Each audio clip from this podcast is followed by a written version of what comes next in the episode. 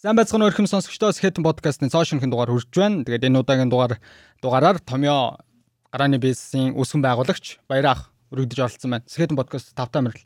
Баярлаа. За ярианыхаа гол хэсэг рүү шууд орё гэж бодож байна. Таны хувьд дэлхийн иргэн гэж яг ямар хүнийг хэлэх вэ? Вау. За ойлгомжтой. Миний хувьд дэлхийн иргэн гэх юм нэгдүгээр ч мэдээж дэлхийн олон төрлийн хүмүүстэй харилцаж одоо коммуникац хийхин тулд хэлтэй байх хэрэгтэй. А хоёрдугаарт тухайн хүний хүсэл мөрөөдөл нь одоо хийж бүтээгч байгаа зүйл нь энэ дэлхийд ямар нэгэн байдлаар эерэг үйлчлэлтийг авчирхдаг. Тийм одоо ажил хийдэг ч гэдэм үү, мөрөөдөлтэй ч гэдэм үү тэрний төлөө явдаг байх хэвээр. Гуравдугаарт нь өөрийнх нь эзэмшсэн тэр боловсрал, хүмүүжил нь одоо илүү тэр одоо дэлхийн ямар нэгэн одоо өрсөлдөх чадвартай. Тий, дэлхийд өрсөлдөх чадвартай тэр суурийг бүрдүүлсэн байх хэрэгтээс гадна мэдээж бас үнснийхээ бас ялгарлыг хадгалсан байх хэрэгтэй гэдэг ийм гурван шалгуурал бодогдож байна да. Таны дэлхийн иргэн гэж өөрийгөө хэлэх үү? А тий болно тий. Дэлхийн иргэн гэж. Яагаад энэ асуултаар эхэлсэн бэ гэхээр сүүлийн үед за ер нь за томьёо аппликейшн хувьд эцэндээ ер нь дэлхийн иргэн болцгоё гэж хамгийн анх нээлтэн дээр бас хүмүүст хэлжсэн тий. Энэ залуучуудыг. Тэгэхээр би зүгээр ингэж бодоод байдаг байхгүй. Ер нь хүн болго өөртөө жоохон дэлхийн иргэн юм шүү тий А яагаад тэгэхээр бид нар чинь Монгол төрж ирсэн өөрсдийн гэсэн соёл иргэншилтэй тэгээд өөрсдийн гэсэн нөгөө таны хэлж байгаа шүү ялгарх онцлогтой. Тэгэхээр бидний хувьд гэсэн дэлхийн иргэн харин нөгөө томьёо гэдгийн хувьд яагаад дэлхийн иргэн гэдгийг тухайн үед онцолж тэгж хэлж исэн бэ гэдэг утгаар нь би илүү дэлгэрүүлж асуух зорилготойгоор энэ асуултаараа эхэлсэн юм байна. Зөв зөв. Яа, айгүй зөв байна. Би харилцах уу? Болно. Тий, би өөрийнхөө бодлыг хэлье те. Одоо нөгөө би ч гэсэн сүлд Америк явахаас өмнө ч тий би өмнө Туркт байхдаа ч гэсэн Америк Америк явахаас өмнө ингээд Монгол дотроо байхаар хүн юу ч хаардаггүй мэл.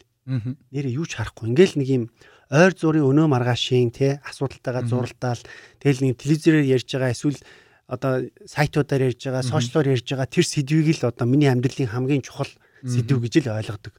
Тэгээ тэрийг тэрнийхээ төлөө ингээ өөрийгөө ингээ завгүй байлгаа тэрийг тэр нь ингээ орооцлоод ингээ алга болчиход байхгүй. Гэтэл бид нар чи одоо нэг л амьдрын штэ тий? Нэг л амьдрын тэгээд энэ нэг бөмбөрцөгдөр төрчихсөн байна.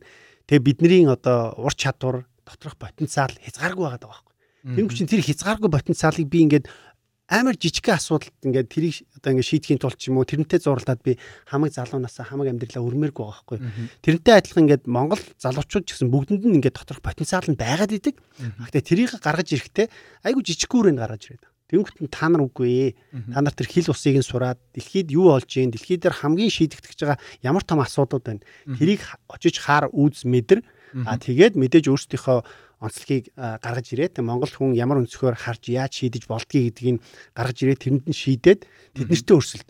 Тэрнээс үл одоо энэ хөмөрсөн тоогон дотроо эндэ байгаад байх та нар ямар ч шаардлага байхгүй байна. А мэдээч одоо юу гэдэг тодорхой хэмжээнд үзэж харсныхаа дараа их орондоо ирээд эсвэл одоо тэндээсээ их орондоо ч юм уу хувь нэмрээ орол явах бүрэн боломж байгаа байхгүй. Тэгэхээр тэр утга нь аюул чухал. Бидний хувьд. Тийм ч утгаар одоо Томьёогийн бас алсын хараа гэх юм уран урааных нь нэг хэсэг болоо яг үнэ баг тий. Судалгаач гэсэн бидэрт харуулсан тий.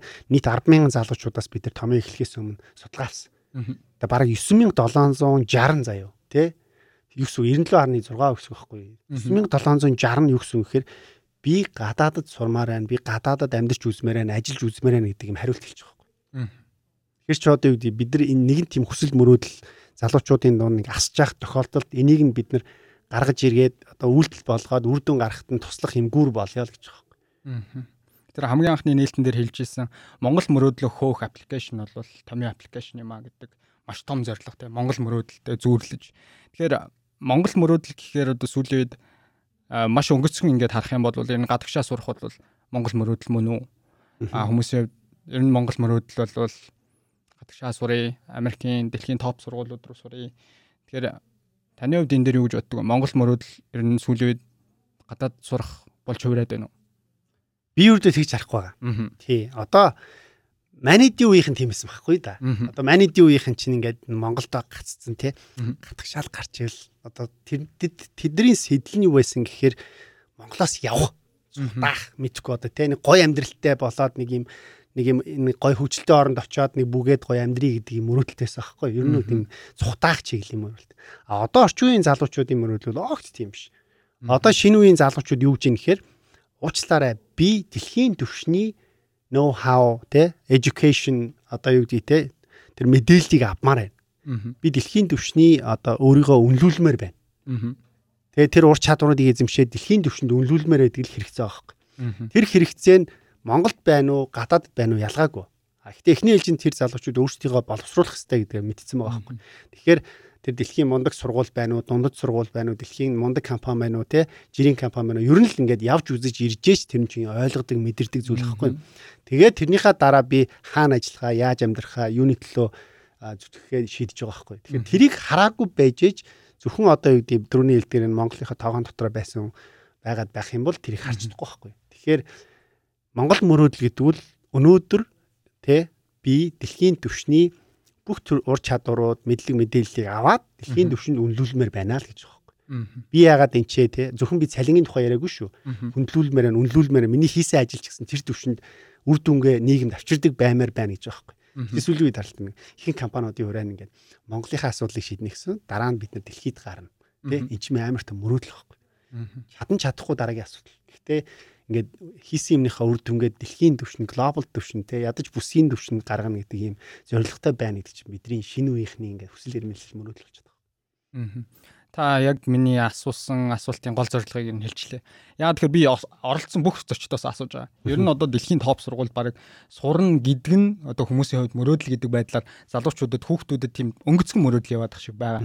А цаад шалтгаан нь бол Зүгээр хүмүүс нөгөө илэрхийлэхдээ та таны санаацсан дээр хэлж штэ. Гадагш яваад үзэн тогооноос гар нэгсэнд өөр өөрийгөө таньж мэд уудал дэлхийн хэмжээнд чи яг ямар хуу төвшөнд яваад байна гэдэг Монголоос гарч үзэж ижил хүн мэдрэнэ үхээс яг тогоон дотор байгаа хүн бол тэрийг олж харахгүй штэ. А таны хувьд болохоор боловсролын тэгш бус байдал гэдэг зүйл дээр бол мэдээж энэ өөрөх чинь хүсэл мөрөөдөл байдаг. Ягаад тэгэхээр Дорнодтой аймагт та чинь 10 жилийн сургуулаа төгсөөд тэгээд энэ томьёо аппликейшнийг үүсгэн байгуулах сэтлэн ч гэсэндээ тэр нэг бага насны өөрийнхөө туулсан тэр амьдралаас сэтэл авч энэ бус одоогийн дүүл яг энэ тэгш бус тогтолцоогоор явж байгаа. Би чинь хөдөө орон нутагт бас төгссөн яг энэ замаар явсан. Тийм болохоор одоо байгаа залуучуудад бас боломж олгоё. Хүүхдүүдэд боломж олгоё гэдэг утгаар энэ бүхнийг эхлүүлсэн байх гэж бодож байна. Тэгээд арай би жоохон том секторын хүрээд нэг асуулт асууя гэж бодож байна.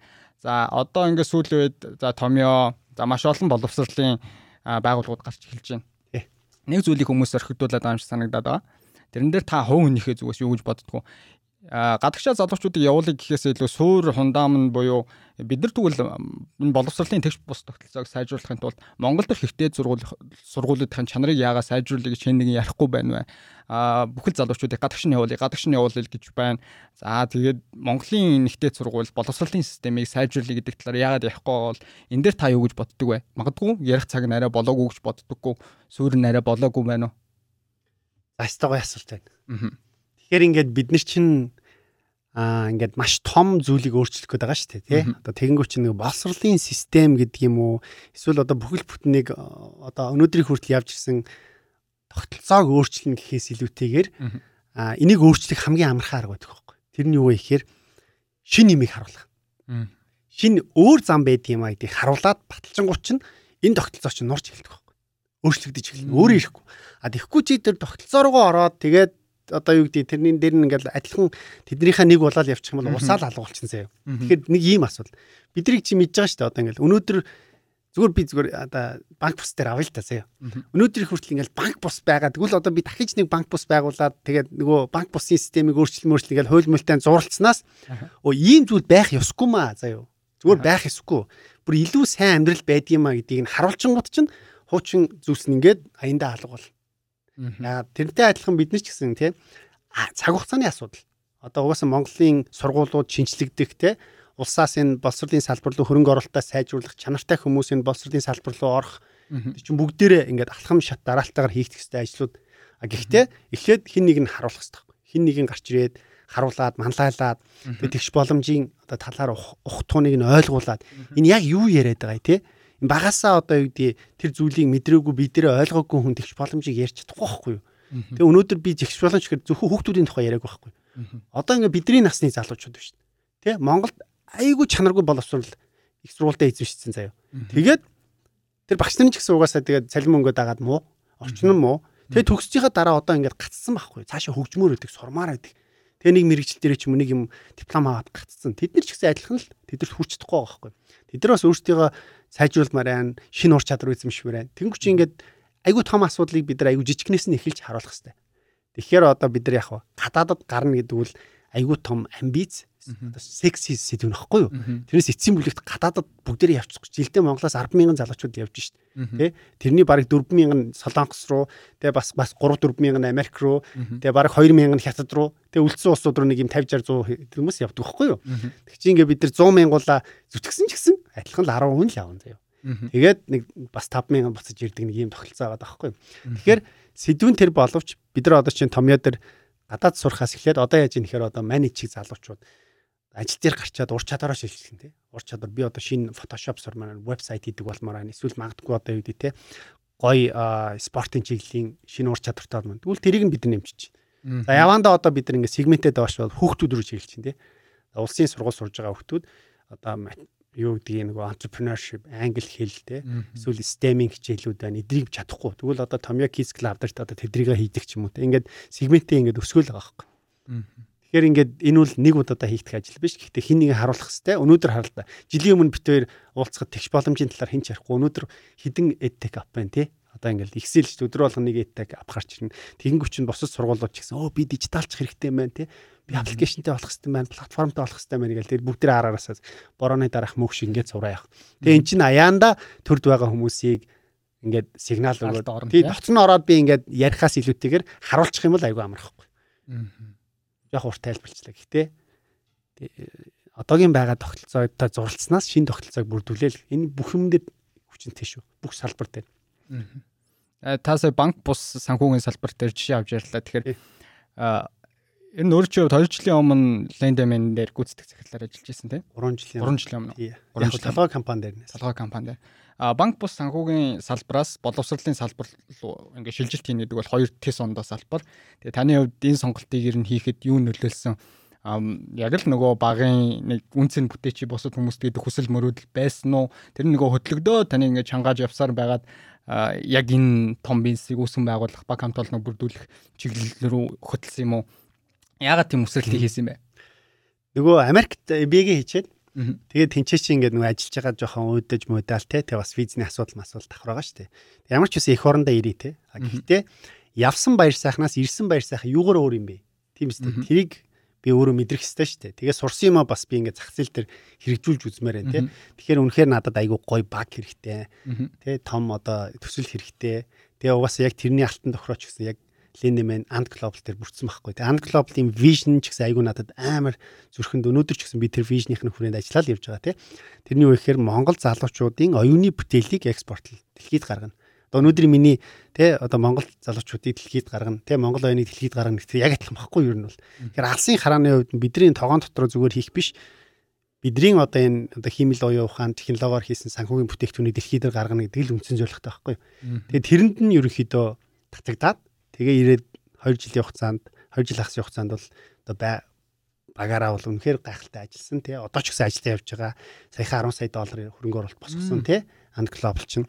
Тэгэхээр чи одоо юу гэдэг Азасаа нэлээд том амжилттай технологийн компани нэг багхгүй юу? Одоо Филиппинд Сингапурт одоо Камбожид гэл ингээл үйл ажиллагаа нь өргөжүүл яваад байгаа байхгүй. Тэрэн дээр нь би одоо оролцсон явж байгаа. А гэхдээ яг томьёо руу орох шалтгаан нь юу байсан бэ гэхээр дотор миний дотор угаасаа нөгөө нийгэмдээ хэрэгцээтэй нийгмийн асуудлыг шийдвэрсэн одоо өөрийнхөө мэддэг чадвар юм уу хийх ёстой гэдэг бодол байгаа л байгаа байхгүй. Тэгээ яг юу вэ? Эрүүл мэнд үү? Боловсрал уу? Тэ яг юу вэ гэдгийг ингээл олохгүй явж байгаад тэгээд нэг юм нилээн юм хувийн одоо чанартай зүйлхгүй бид нэг гэр бүлэрээ ингээд Америкээс ирчээд анхудаага ингээд тэ машинаа солиод амар гоо шинэ машин аваад тэ их орноороо аялна гэл ингээл тавуулаа суугаал тэгэл явж хагаад тэгээ зам дээр хосолд орчих واخгүй. Аа Тэгээ машин чинь ингээд замын хажуу тишээ ингээд онголтоод.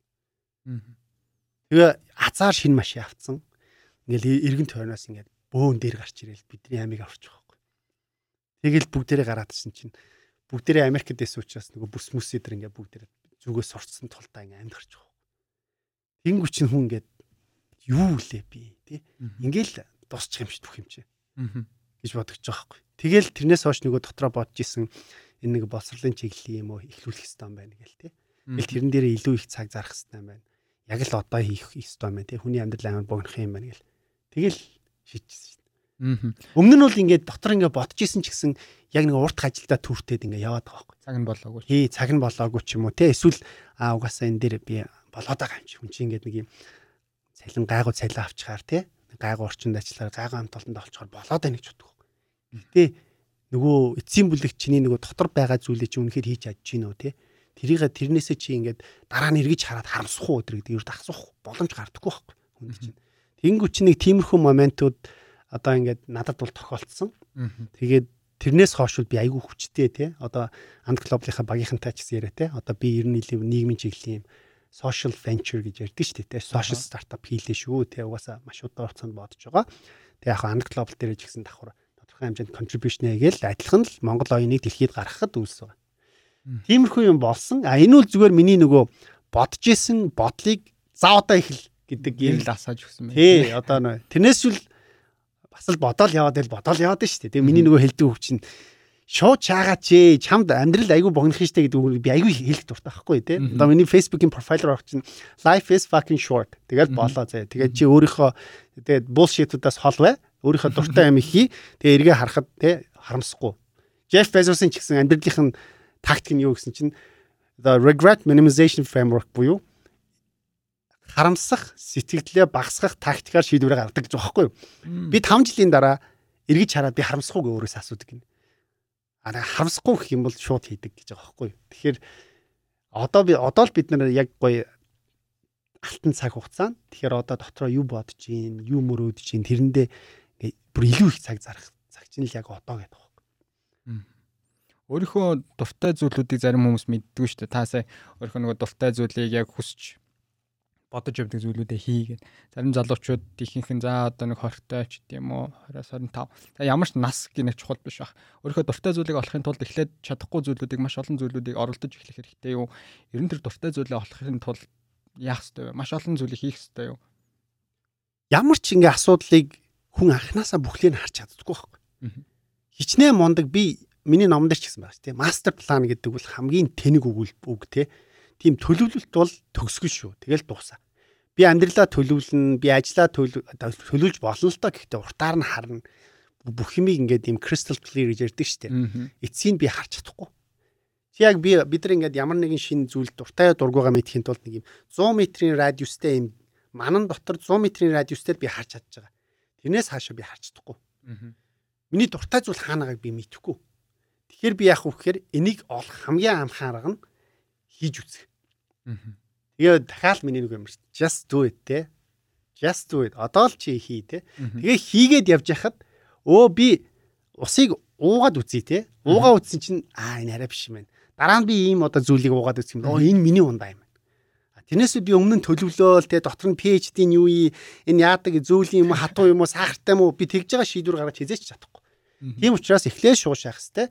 Тэгээд гоё штэ тэгэл. Тэгэл нэг юм сурдаг байхгүй. Тэндээс чинь дахиж нэг юм боломж. Би 100 м явлаа дараагийнхаа юм харлаа. Дахиж 100 м явлаа дараагийнхаа юм харлаа. Ингээл яваалах хэвээр. Тэгэл хизээ зогсохгүй явах л хэвээр. Тэгжээж дуртай юм олно.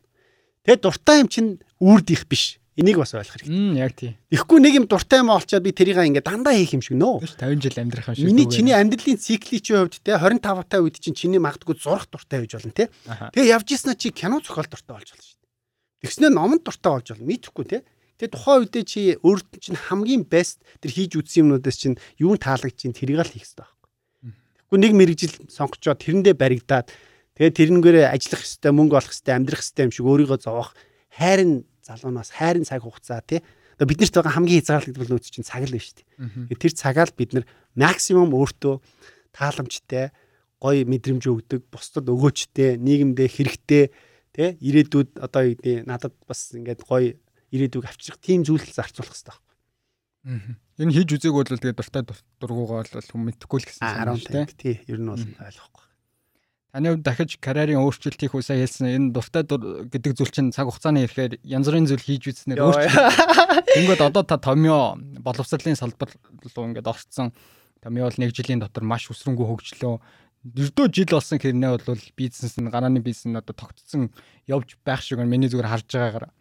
Тэгэхээр одоогор та дараагийн карьерийн өөрчлөлт хийгсэн тийм бодол орж иж гин үү?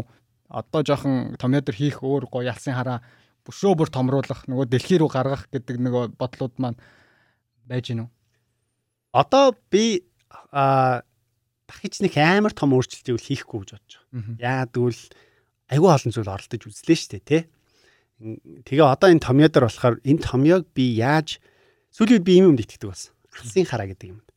А тэгээ нөгөө түрүүнд ярьсан шүү дээ. Юм хийж эхэл. Гэхдээ би тэр уулын ороо руу явж байгаа шүү. Би тийшээ явж байгаа шүү гэдэг ерөнхий баримжаа байх хэрэгтэй. Тэ? Тэгэхээр миний хувьд ч гэсэн ингээд ийм түрүүнд хэлсэн Монголын боловсролын салбар гэж юм тийм үү?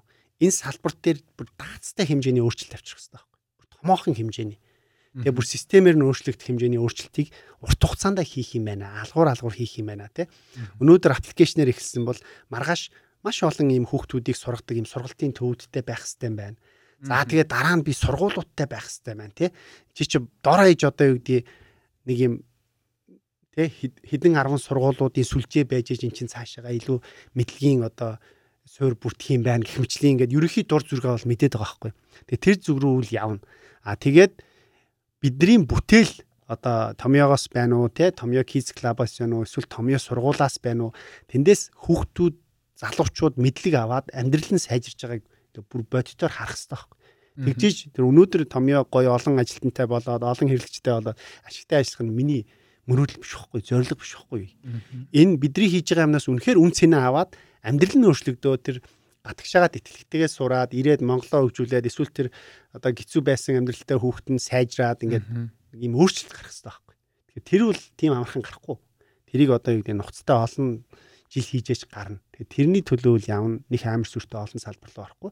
А хоёр дахь нь мэдээж олон улс руу ямар нэгэн байдлаар бид нар гараад эхэлсэн тийм анд глобалаар гараад эхэлсэн. Томьёоч гэсэн сая Монголоос Y Combinator гэдэг дэлхийн нэг номерын тэр оо accelerator програмд нь баг тэнцэнгээ алдлаа шүү дээ. Ярилцлаганд өргөднө гэдэг чинь бүр ингээд ваа өөдөөс чи саятан гар сууж байгаа 10 минут чамтай яриад гарч байгаа байхгүй. Тэгэл нөгөө Egypt чинь бас манай CTO бид гурав чинь 5 шүн ингээд бүр шүнжэнгөө бэлтээ те.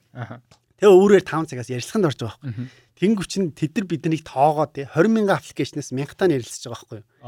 Тэгэхээр одоо юу гэдэг бид нар 20-ны 1-т те бүр одоо хэдэн үе 5% нь орцсон байгаа байхгүй дэлхийн тэр стартапуудаас. Тэгэхээр биднэрт ингээ бас аа бидний бас шийдэл бидний санаа бас дайггүй юм байна гэдэг юм хэл төрж байгаа. Тэгээ одоо олон улсынхаа экспаншн руу бид нар нэлээд бас анхаарад ажлууд эхэлсэн явж байгаа тий. Эжаа одоо манай Эрдэнэгээ бас шин залуу ороод ирсэн ингээд олон улсын чиглэлийн үйл ажиллагаа явуулна. Анд глобал дээр бол яалтчгүй одоо энэ корона зэгцэрч байгаа юм чинь бид нар өөрсдийнхөө шийдлийг гэлгүүгээр Монголд байгаа одоо технологийн компаниудын шийдлүүдийг Аз руу гаргах гэдэг юм гоё ажлууд бас явагдаж байгаа. Аа. Томьёо дээр Монгол оюуныг дэлхийд гаргахыг гэдэг үрээтэй технологиор дэлхийд гайхшруулъя. Тэр Монгол оюун гэхээр бид та тийм бүтээчээд байгаа тэр бүтээгдэхүүн байгаа тийм. Энэ бүтээгдэхүүнээр олон улсад гарахыг илүү хэлж гинүү. Эсвэл нөгөө гадаадын сургуульд Монгол залуучуудыг, Монгол хүүхдүүдийг явуулж байгаа. А үүнийгээ та Монгол одоо оюуныг дэлхийд гаргаж ийн гэж хэлж уу? Хоёр дахь нь эхлэеч юу. За. Бидний бүтээгдэхүүнүүд буюу аа яг тэгж тэр залуучуудын хэрэглэгчд маань өөрсдөө дэлхийд олноороо гарах хэрэгтэй байхгүй.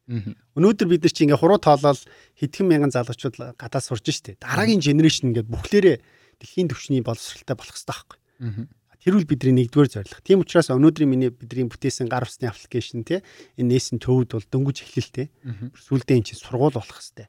Бүр ингээ бүр их сургууль болох хэрэгтэй байхгүй юу цаашаа. Тий. Тэрний төлөө манайхаа угаасаа ажиллаад алхам дараалтаагаар мэдээллүүдийг хүргээ явна. А хоёр дахь нь бид нар өөрсдөө бас гарах хэрэгтэй. Тэр бидний бүтээсэн тэр технологийн инновацууд бүтээлүүд олон улсад гарах хэрэгтэй. Энэ аль аль нь л байгаа. Гэхдээ нэг нь эхлээд бидний одоо хэрэглэгчид өнөөдөр харалтаа тийм Монголын бизнесийн салбар, улс төрийн салбар, нийгмийн салбар дээр дандаа л тий Гэт дэлхийн төвшөнд туршлагдсан тодорхой хэмжээний мэдлэг хуримлсан бүгдээрээ биш л дээ. Гэхдээ тэр хүмүүсийн contribution гэдэг юм амар агуу байгаад байгаа байхгүй. Тэгэхгүй маний чинь тийм юм байхгүй бол тогоон дотор алдсаар агаал дуусах гэдэг шүү дээ. Би бол одоо энэ тогоон могыг хаглаад ингээ бүр ингээ гавтгаа болгомоор байна. Тэгээ хүн би маргааш өнөөдөр энэ чинь ажиллаж байгаад маргааш одоо Филиппиний Манилад ажиллажсан нөгөөдөр би Сингад очиж ажиллаад тэгээ дараа нь магадгүй те сан руу нислэг ч юм уу тийм л амьдралтай болох хэрэгтэй байхгүй бидний ирээдүй. Тэгэхгүй одоо юу гэдэг ингээд нэг юм хил хязгаарт баригдаал ингээ байж идэг тэр ирээдүйд байхгүй болно шүү. Тэр нь. Технологиор технологи технологиор дэлхийд гайхшруулъя гэдэг байгаа шүү дээ. Тэгэхээр ямар технологи одоо чинь томьёо аппликейшнийг хиймэл оюун ухаан дээр суурилсан гэж та хэлэх үү? Ер нь томьёо аппликейшны бусад аппликейшн за одоо та бүхний зах зээл дээр байгаа өрсөлдөгч нараас ялгарах тэр технологийн давуу тал нь юу вэ? За энэ дээр бас ингээд хэдүүлээ гоё яриа ирж болж байгаа байхгүй. ямар нэгэн бүтээгдэхүүнийг бид нар тайлбарлахдаа юу ч тайлбарлаж болно.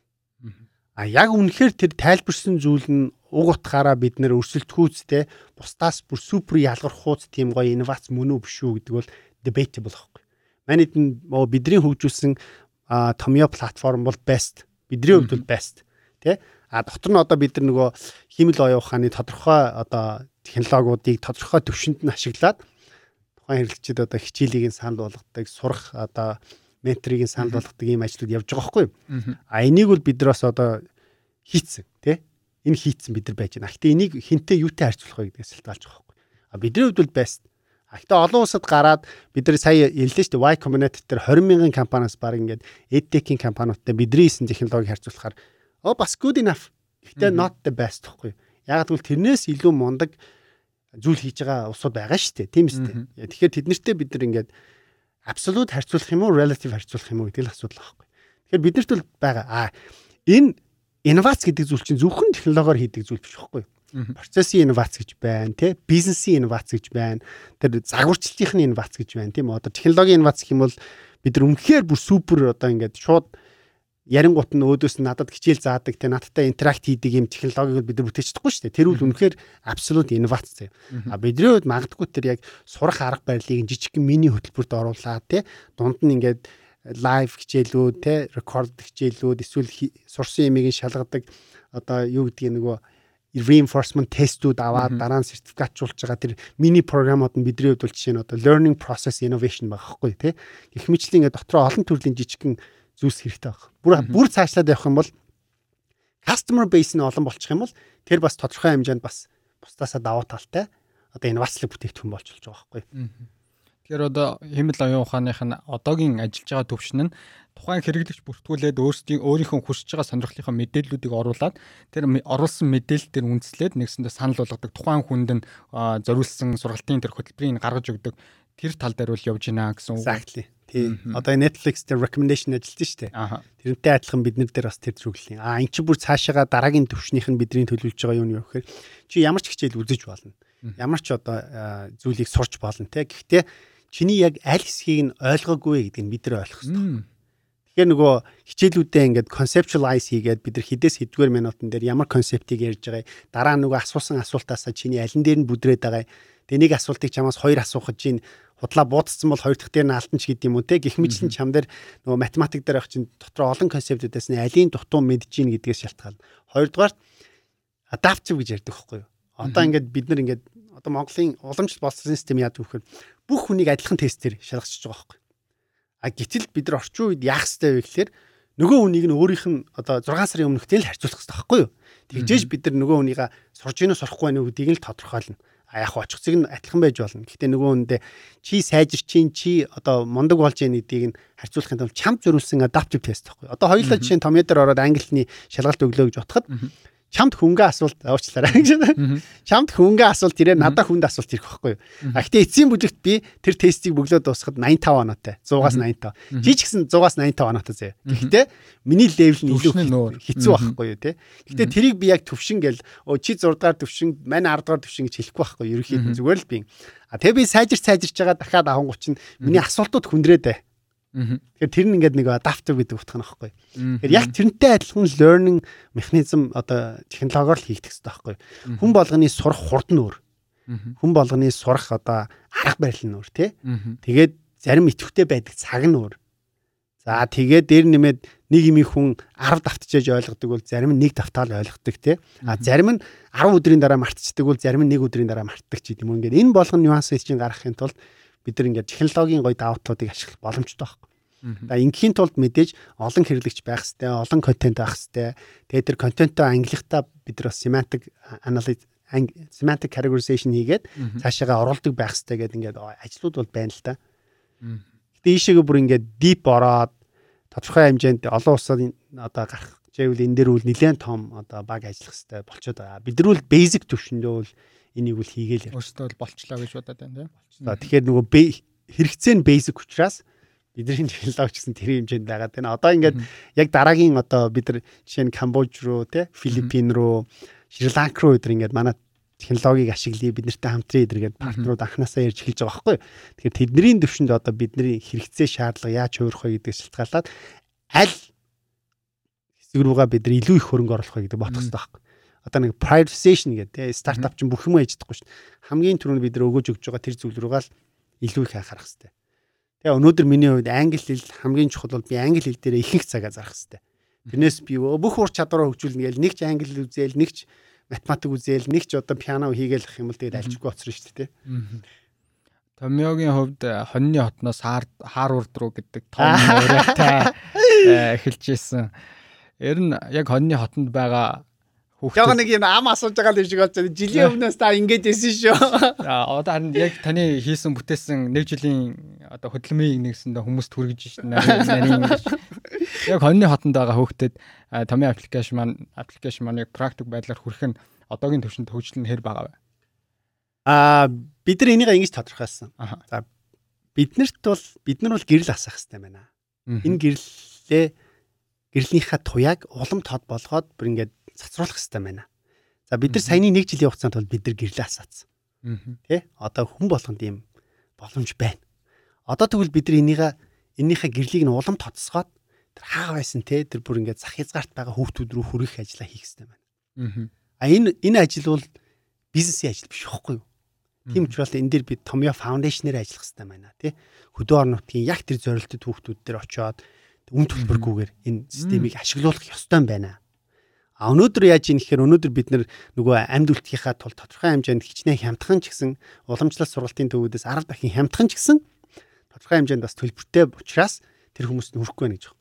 А тодорхой мөнгөний төлөөд ашиглаж байгаа хүмүүсийн хувьд бүр амар бид нөгөө сүлд битсэн шүү дээ. Ховдоос хүүхд залгаж байгаа байхгүй. Би өөрөө ярилцлах гэсэн чинь заа Сүхбаатар аймгийн сумаас заяа.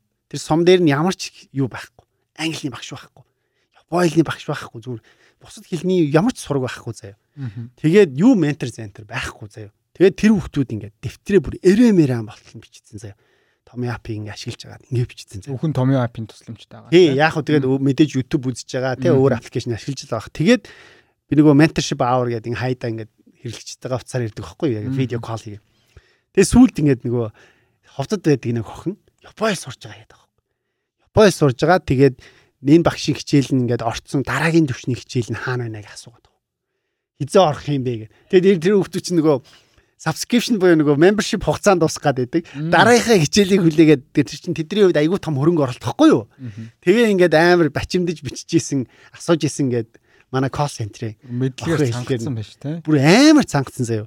Тэгээд тэр хүүхдүүдтэй ярихын нэг гоё юм нь юу гэхээр ингээд бүр ингээд дотроос нь үнэхээр талархаад байгаа нь харагддаг байхгүй мэдрэгддэг байхгүй. Тэгэд тэн дээр чинь хизээч тэр одоо юу гэдэг ямар нэгэн багш тэр сум дээр очиж заахгүй байхгүй. Тэгэхээр энэ боломжийг л бид нэр олгох хэрэгтэй. Олгоод эхэлсэн нэгхэн жилийн хугацааны ажил биш байхгүй юм чинь. Одоо бид нар дараа жил дараа жил хоёлаа суугаа ярьж байвал одоо ямар үр дүн гарсан байхыг би үнэхээр таашгүй тий. Өнөөдөр бараг 170 80 мянган хүн томьёо аппликейшнийг тодорхой хэмжээнд татцсан тий. Одоо бараг сард бол идэвхтэй бараг 50 мянган хэрэглэгчид ингээд ашиглаад байгаа байхгүй юу. Тэр нь зөвхөн хэл сурж байгаа биш тий.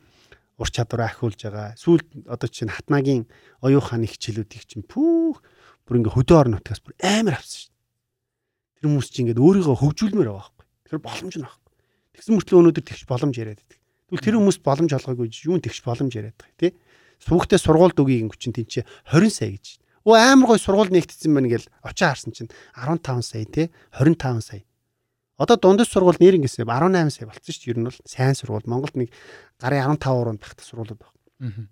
Тэнгүүч одоо энэ сургалтын төлбөр чи ер нь өнөөдрийн Монголын байдлаар нэг 6-аас 8 саяын дотор л байх хэрэгтэй байхгүй юу ер нь бол. Энээс дээшээ гарах юм бол дундаж давхрах хизээж сурч чадахгүй. Хүүхдүүдээ сургаж чадахгүй тэр чадвар. Тэгэхээр тийшээгээ багасгах хэрэгтэй. Улсын сургууль бол улам чанараа сайжрах. Гэхдээ би дахиад хэлсэн. Улсын сургуулиудыг сайжруулах гэж ухамдахынхаа оронд хажууд нь арай өөр чиглэлийн сургуулиудыг босгоод одоо дижитал сургууль те эсвэл одоо гэдэг гар утсан тоолбсон зөвхөн байшин доторх багшаас хамааралгүй сургууль мургуул барих хэрэгтэй байхгүй. Жишээ нь бидний томьёо дээр одоо дараагийн төсөл дээр байхгүй. Сургууль барина. Гэхдээ тэр сургууль доторх байшин доторх багшаас тэр хүүхдүүд нь хамааралтай биш. Тим сургууль байх хэрэгтэй. Тэр хүн тэр сургууль дотор томьёо гэдэг сургууль дотор байгаа хүүхдүүд нь бүр дэлхийн хүссэн хүнээсээ хүссэн багшаасаа тийм үү хүссэн менторээсээ суралцдаг тийм сургууль байх хэрэгтэй. Хоёрдугаарт нь энэ сургууль дотор байгаа бүх мэдлэг зөвхөн сургууль дотор үлдэх ёсгүй.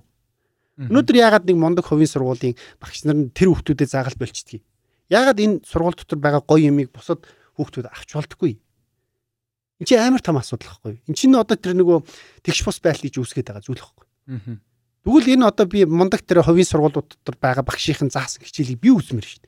Тэр хаа байсан манай Доронтын баян баян баян улс суманд байгаа хүүхд үзэж болох хэрэгтэй байхгүй. Тэгэхээр энийг одоо юу гэдэг жинхэнэ одоо болгох хэрэгтэй байхгүй. Тэгэхээр тэр ажлыг бид нэр эхлүүлж байгаа. Ийм сургууль болно. Гэтэ энэ сургууль нь зөвхөн байшингаар хязгаарлагдахгүй энэ дотор үнэхээр гоё юм болж ивэл энийг нь бид нар гатгшаа өгье. Тэ? Тэр үнэхээр тэр боломж нь олдохгүй байгаа хүүхдүүд дээр сурдаг боломж нь олох. Энэ тэгэнгүүт чинь тэгдэг байхгүй. Тэгвэл манай сургуульд яагаад ийм өндөр үнэтэй байгаа эцэгчүүд нь гомдно. За уучлаарэ. Тэгээ тэр хэмжээний мэдлэгээ хуваалцах чадахгүй л чи хүүхдээ бусдаас ялгаатай байх гээд яах гээд байна. Яагаад гэвэл чиний хүүхд чинь тэр хөдөөний хүүхдэд яг адилхан очивол нэг компани дотор ажиллана шүү дээ. Нэг нийгэмд амьдрын шүү дээ. Тэгэхээр бид нар бүгдээрээ хөгжиж ижил энэ нийгэм чинь гоё болох хэрэгтэй шүү дээ гэдэг аргумент байх хэрэгтэй байхгүй. Одоо 150-аас 180 мянга хэрэглэгчтэй болцсон байна тий. Ер нь хамгийн эхний ойрын зорилго бол 1 сая гэсэн байгаа тий. Тэгэхээр энэ жилдээ бол 300 мянга. Энэ жилдээ бол 300 мянга дээр хүрнэ гэсэн байгаа. Тий. Яг хөө Томьёо Эдтекийн хувьд сая тэрбум төгрөгийн хөрөнгө оруулалт авсан. Аа тэгээд дараагийнхаа шатанд буюу одоо бид нар жинхэнэ эхлэлийн одоо бүтээгдэхүүн маань болох уугүй юу те энэ аппликейшнэр хүмүүс сурах юм уу сурахгүй юм гэдгийг ойлгоцсон те за бидний ийм одоо hypothesis гэдэг те таамаглал бол үнэн байсан юм байна одоо энэ чиглэл рүү явах хэрэгтэй байна гэтээ одоо энэгээр бид нар илүү олон хүнд илүү чанартай өрөх хэрэгтэй байна тэгээд томьёогийн одоо success story гэдэг чинь би томьёогоор ингэчлээ томьёогоор тэгчлээ гэдэг одоо мундаг мундаг хүмүүс гарах хэрэгтэй байна гэдэг. Тэр лүү одоо явж байгаа.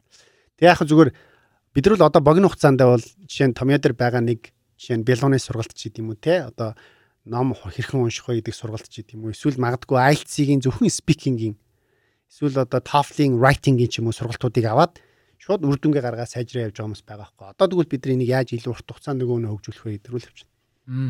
Яг та төгсгөлж миний асуух гэсэн асуултан дээр хэд эхлэлийн тавьчлаа. Томьёо бол гадаадад гарах гарц гэж.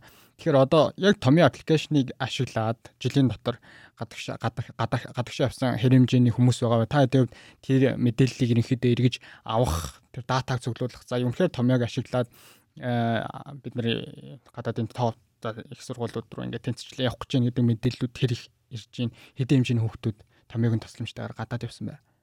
За томьёо томьёог дангаар нь ашиглана гэж байхгүй шүү дээ. Ер нь ямар нэгэн сорсыг бол дангаар нь ашиглаад чамжилтандаа хүрнэ гэж хизээч байхгүй. Одоо ялангуяа мэдээллийн амар баялаг байгаа ертөнцид амьдарч байгаа юм чинь бид нар цагаа үр бүтээлтэй өнгөрөөхийн тулд би хаанаас ямар мэдээлэл авах вэ гэдгээ ойлгох нь сурах нь тэр залуучуудын хамгийн том одоо ур чадвар байгаа байхгүй. Тэгэхээр томьёо бол тэднэрийнх нь нэг нь. Бид нар бол зөвхөн томьёогоор сураад явдаг те. Чи бүхэл бүтэн юм систем байж ш тэр үн чинь оцгийн зорилготой өрөхгүй. А томьёогоор дамжуулаад би оноогоо сайжруулчлаа. Томьёогоор дамжуулаад би тэтгэлгээ олчлоо. Хаан сурхаа ойлгочлоо. Томьёогоор дамжуулаад би мэрэгжлээ сонгочлоо. Томьёогоор дамжуулаад би те шинэ гоё ажилд орчлоо гэдэг сторинт бол зөндөө байгаа. А энийг харин гол нь ингээд дата болгоо буцаад томьёо руугаа фидбек хийдэг те тэр системийг бүрдүүлээг байна одоохондоо. А гэтээ бид нар бол талархлын маш олон мессежүүд те одоо юу гэдэг нөгөө баярлаа гэдэг юм кол мол бол зөндөө авч байгаа байхгүй. Гэхдээ энийг бид нар нэг амар сүртэй бид нар хийцэн юм шиг болгоод ашигламааргүй. Яагаад гэвэл энэ бидний үндсэн үр дүн биш байхгүй. Ариваа бид нар сургууль байсан бол ярина те. А яагаад гэвэл тэр хүүхд чинь томьёог ашигласан гэхдээ цаана дахиад ийм зузаан айлцыг ном ашигласан байгаа шүү дээ. Тэр бол угаасаа ойлгомжтой те. Тэгжээж айлцтай өндөр оноо авсан байгаа. Тэгэхгүй зөвхөн томьёог ашиглаад эсвэл зөвхөн нэг аппликейшнийг ашиглаад өндөр оноо авцсан гэдэг бол тэр аппликейшны хувьд айгүй буруу маркетинг болох байхгүй. Тэгэхээр тэрүүгээр бид нар гайхшруулмааргүй. А гэхдээ юу бидний хувьд хамгийн гоё гэхээр бид нар тэр North Star metric гэж байдаг байхгүй одоо алтан гац тий. Бид нар тэр алтан гацаа хараад энэ одоо бидний амжилтыг тодорхойлно гэж. Тэрний юу вэ гэхээр бид нар томьёо дээр тогтмол цаг зарцуулж байгаа хэрэглэгчдийн тоо. Тэр бидний хувьд хамгийн чухал одоо метрик. Тэрийг нь харангуй чинь төлбөр төсөө хэрэглэгчдээс тогтмол цаг зарцуулж байгаа нь болохоор нэг юм 5-аас 10 минут гэх байхгүй. Тэдрүүл үнэхээр тэнцээ одоо юу гэдэг ингээ бүр суугаад, нухаад, үзээд ажиллаж байгаа Тэр үл бидний маш том бахархал байхгүй. Үр дүн баг. Энэ тоог ихсэх нь тий. Энэ тоог ихсэх нь. Тэгэнгүүт чи одоо ингээд за 15 мянга хэрэглэгч байлаа тий 7 хоногийн дотор суралцж байгаа. Тэгэнгүүт чи тэдний 8-9 мянгаар ингээд бүр ингээд тогтмол ашиглаж байгаа. А нөгөө хэд нь болохоор орч хараад гарч орч хараад нэг 2 3 музей гарсан байдаг байхгүй. Тэгэхээр тэр ийм retention гэж яриад байгаа тий. Хэлбэл тэр хүн хэрэгтэй болоод ороод удаад байна л гэсэн үг байхгүй. Тэгээ нөгөө аль цонхоор ороод хідэн квиз хийгээд хідэн видео үзээд байгааг бид нар трacklж байгаа шүү дээ. Тэгэхээр тэрнээс нь бид нар харж л өөрсдийнхөө үр дүн хэмжиж байгаа байхгүй. Тэрнээс үл яг эцсийн үр дүн тэр хүн бол айгүй олон сорсыг ашиглаж байгаа байхгүй. Аа. Саяны хэмжих нэгжүүд дээр ийм мэдээлэл байд юм бол одоо орон нутгаас нийт 150-аас 180 мянган хэрэглэгчний хувьд орон нутгаас тэдүү үн байдгийн байна. Улаанбаатараас ийм байна. За тэр дундаа бүр улсын сургуулиас тэдүү байна. Хувийн сургуулиас тэдүү хүүхэд сонирхож чинь гэдэг мэдээлэл та тэрийг хуваалцаач. Географикаар бол бид нар хэлдэг. Аа угаасаа нөгөө орж байгаа нэвтэрч байгаа датанаас нь бид нар хаанаас орж байгааг нь хэлж штэ IP-наас нь бид нар хэлждэг байхгүй. Тэнгүүч ойролцоогоо 40-с 45% нь орон нутгаас байхгүй. Тэгээд нэг юм 55 58% нь хотоос идэх байхгүй. Тэгэхээр бид нар ингээд оо болж чинь nice бидрийг хүрж чинь. Тэгээ орон нутгаас яах вэ гэхээр бид нар түрүү жил 6 аймгаар те бараг 5000 гаруй хүүхдүүд очсон байхгүй. Тэгээд тэднэрт бид нар ингээд access access өгөө те томьёог танилцуулаад ингээд явсан байхгүй. Тэгээд тэр их үр дүнтэй мэлээ. Энэ жил бид нар одоо наадмын дараа ч юм уу дахиж орон нутгаар Тэгээ явна. Баруун аймагуудаар нэлээ явна гэж бодож байгаа. Тэгээд тэднэрт ингээд илүү нөгөө мөрөөдөл гэдэг зүйлийг л харуулах хэрэгтэй юм байна. Тэгээд чамд боломж байгаа тий. Тэр ах чинь тэр ховдоос хаарууд явцсан байна. Энэ ах чинь тий доронтоос тэр ив рүү явцсан байна гэдэг тэр сэдлийг өгөөд тэгээд тэр бас нэг сурах боломжийг нь олгоо тий. Магадгүй ингээ free access-үүд өгөөд явах юм бол айгүй гой хөрөх юм л.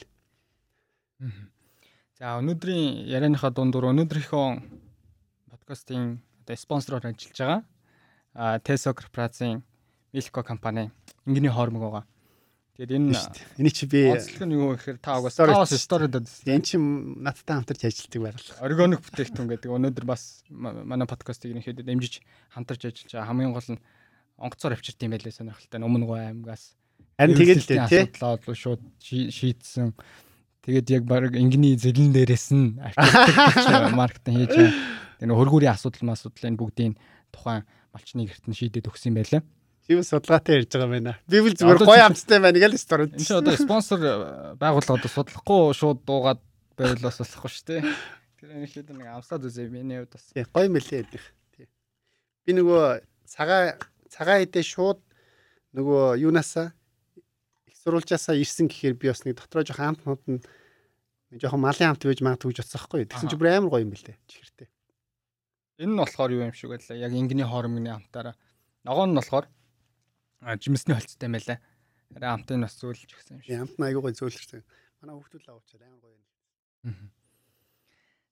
За ерөнхийдөө баахал томьёо ярьлаа. Аа тэглээ таныг оруулж ирээд барыг ам асууж байгаа юм шиг жилийн хугацаанд яг юу жилийн тайлан надад амар амар сони юм бэлээ. Саяхан штэ 5 сарын 17 байхгүй юу? Төрүүл 7 гэсэн үг штэ. Пэх жил болцсон юм гэсэн. Тэ нөгөө нээлтийн тайз майз гэж бужигнаал бид нэр те нээлтэн дээр хэлжсэн үг мүгэ эргээ харсан чинь. Йоо ойлгож илж ш нэрэ. Брамер сони юм бэлээ. Тэгингээд би нөгөө хүн хичээх мэрийг те ингээ үйлдэл хийхийн гайхамшиг гэж юу вэ гэдгийг ингээд хүн мэддэггүй байхгүй тийм. Хүн хүн ингээ 7 хоногт мэдэрдэггүй байхгүй. Хүн хичээдэг 7 хоног мэдэрдэггүй. Сар болдог мэдэрдэггүй те. За 6 сар болдог жилийн дараа эргээ харахаар ямар их цаг зав ямар их ингээд урагшлснаа хүн гинт ойлгодог байхгүй. Тэгэхээр нөгөө яг л нөгөө яг жим хийж байгаа юм шиг тий би 7 хоног ингээд воркаут тэгэл хамаг чадлаараа хийгээл толинд дарсан чинь нөгөө л баяр сайхан чивэр аа. Тэгээ хүмүүс мяарчдаг байхгүй. А яг нэг жил яваад би эргээ харах юм бол пүүх 6 харьцуулах юм бол зүгээр амар тий. Тэгэхээр тэрний хүчийг л би сая бас нээлтийнхаа видеог хараад 7 хоног жилийн дотор амарч ёо Тэгээ тэгээ бодонгууд чинь дахиад бид нэр дараа жил ихэд юу хийцэн байх вэ? Тэрний дараа жил ихэд юу хийцэн байх вэ гэж ботхоор бүр ингэ дотроос ингээд зүгээр сууж чадахгүй шүү дээ. Энэ та алсын хараа бол маш том. Энэ та өөрийнхөө бизнесийг ингээд ажиллаж байгаа бизнесийг зүгээр миний хувьд төвгөн талаас харахад маш том амбицтай бүр том алсын хараа тавьдаг юм шиг надад санагддаг. Тэгэхээр энэ таны одоо дэлхийн топ 2 компанид бас ажиллаад үзсэн нөгөө төрөний хэлжсэн шиг ингээд тогооноос гараад үзээд а энэ юм чи ийм байд юм байна өстой болдгийм байна хүн хичээх юм бол яа заавал бид нар Монголда бизнес хийх хэрэгтэй энэ бизнесийг дэлхийрээ гаргая гэдэг тийм нэг тогтцсон мэдрэмж байгаад байна? Энэ мэдрэмжийг хаанаас олж авсан болохоор та одоо ямар нэгэн бизнес эхлүүлэхдээ маш том тийм амбиц гаргаж дэлхийн төвшөнд гарна. Ер нь сонсоход бол маш том алсын хараа шүү дээ. Ер нь бол тий. Ээ нөгөө төрөүний чиний ярианд дунд ч гарсан шүү дээ. Би нөгөө Amazon-д орчвол тийм бүр амар лаг хүмүүс байдаг байх та гэл тий. Тэр чинь ингээд нөгөө 2 жил MBA ихэр чинь дунд нь заавал нэг юм төлбөртэй биш цалинтай scholarship биш юу internship хийх хэрэгтэй байхгүй. Тэгэл орчвол баярлаа л ингээд амар мундаг хүмүүс байх шүү дээ. Манайдээс яг л ялгаагүй хүмүүс байхгүй. Дараа нь ингээд төгсөөл ажиллаад дийлд ороход бас л яг адилхан манайтай л адилхан хүмүүс байхгүй. Пүүх энэ хүмүүс чинь тэгээд дэлхийн одоо номер борлуулалтаараа номер 3 мурт орцсон явчихсан байхгүй сүлдэл. Ямар инновац хийгээд дөрөнд инновац ирсэн шүү дээ. Үнэхээр бүр агуу юм хийгээд байгаа юм уу? Үнэхээр бүр гоц гарууд юм уу те? Тэгэл нөгөө энтгэгтэйгээ нөгөө эцтэйгээ ланчны цагаараа ярина шүү дээ. Тэнгүү чинь өө тий би энтгэгт юм байжснаа ингээл ирсэн шүү дээ гэл те. Яаж Америк руу ирсэн гэхээр өө би нөгөө энтгэгт нөгөө визэнд орохоос өмнө Америк руу визэнд орохоос өмнө залбирч байгаа л нөгөө паспорттай барайл нэг юм сүмдэр очт юм байл да. Визний сүм гэ нэрлэлсэн. Оо за. За юу. Визний сүм гэдэг нэртэй. Аа. Тэгээ тэр визний сүмдэр очихоор яг хөрн паспорттай бариад тэр визний сүмээ 110 108 тойроод тэгээ дараа нь тэр паспортаа ингээд нэг юм ажилуулт юм байна. Тэгээ визэндээ орд юм байна тэд нар чинь. Тэгж ирсэн энтэх байгаа байхгүй миний хажууд. Тэгэнгүүт чинь Одоо манайд ч гэсэн бас тэл хам дээр очдөг үстэй. Тэгээ яг л адилхан. Тэгээ нөгөө сурсан сургууль мургуул явсан замлыг нарахаар тэгэл адилхан л дурак байгаа байхгүй юу юм бол тэ. Ялгараад. Тэгээд тэр хүмүүсийг чинь бүгдээрээ нийлээд авчираад тэг ингээм чи амар гоё том бүтээл хийгээд тэгээд дэлхийн ингээм амар том компани болоо яваад байна тэ. Мэдээж ухаантай хүмүүс байгаа би тэрийг үүсэхгүй тэ. Ухаантай ч байхтай нэг юм үнэхээр агуу гарууд байгаа зэ. А тэгээд тэрийг харчаад тэгээ Монголд ирчээд бид нэр олуулаад болох хэрэгтэй байна.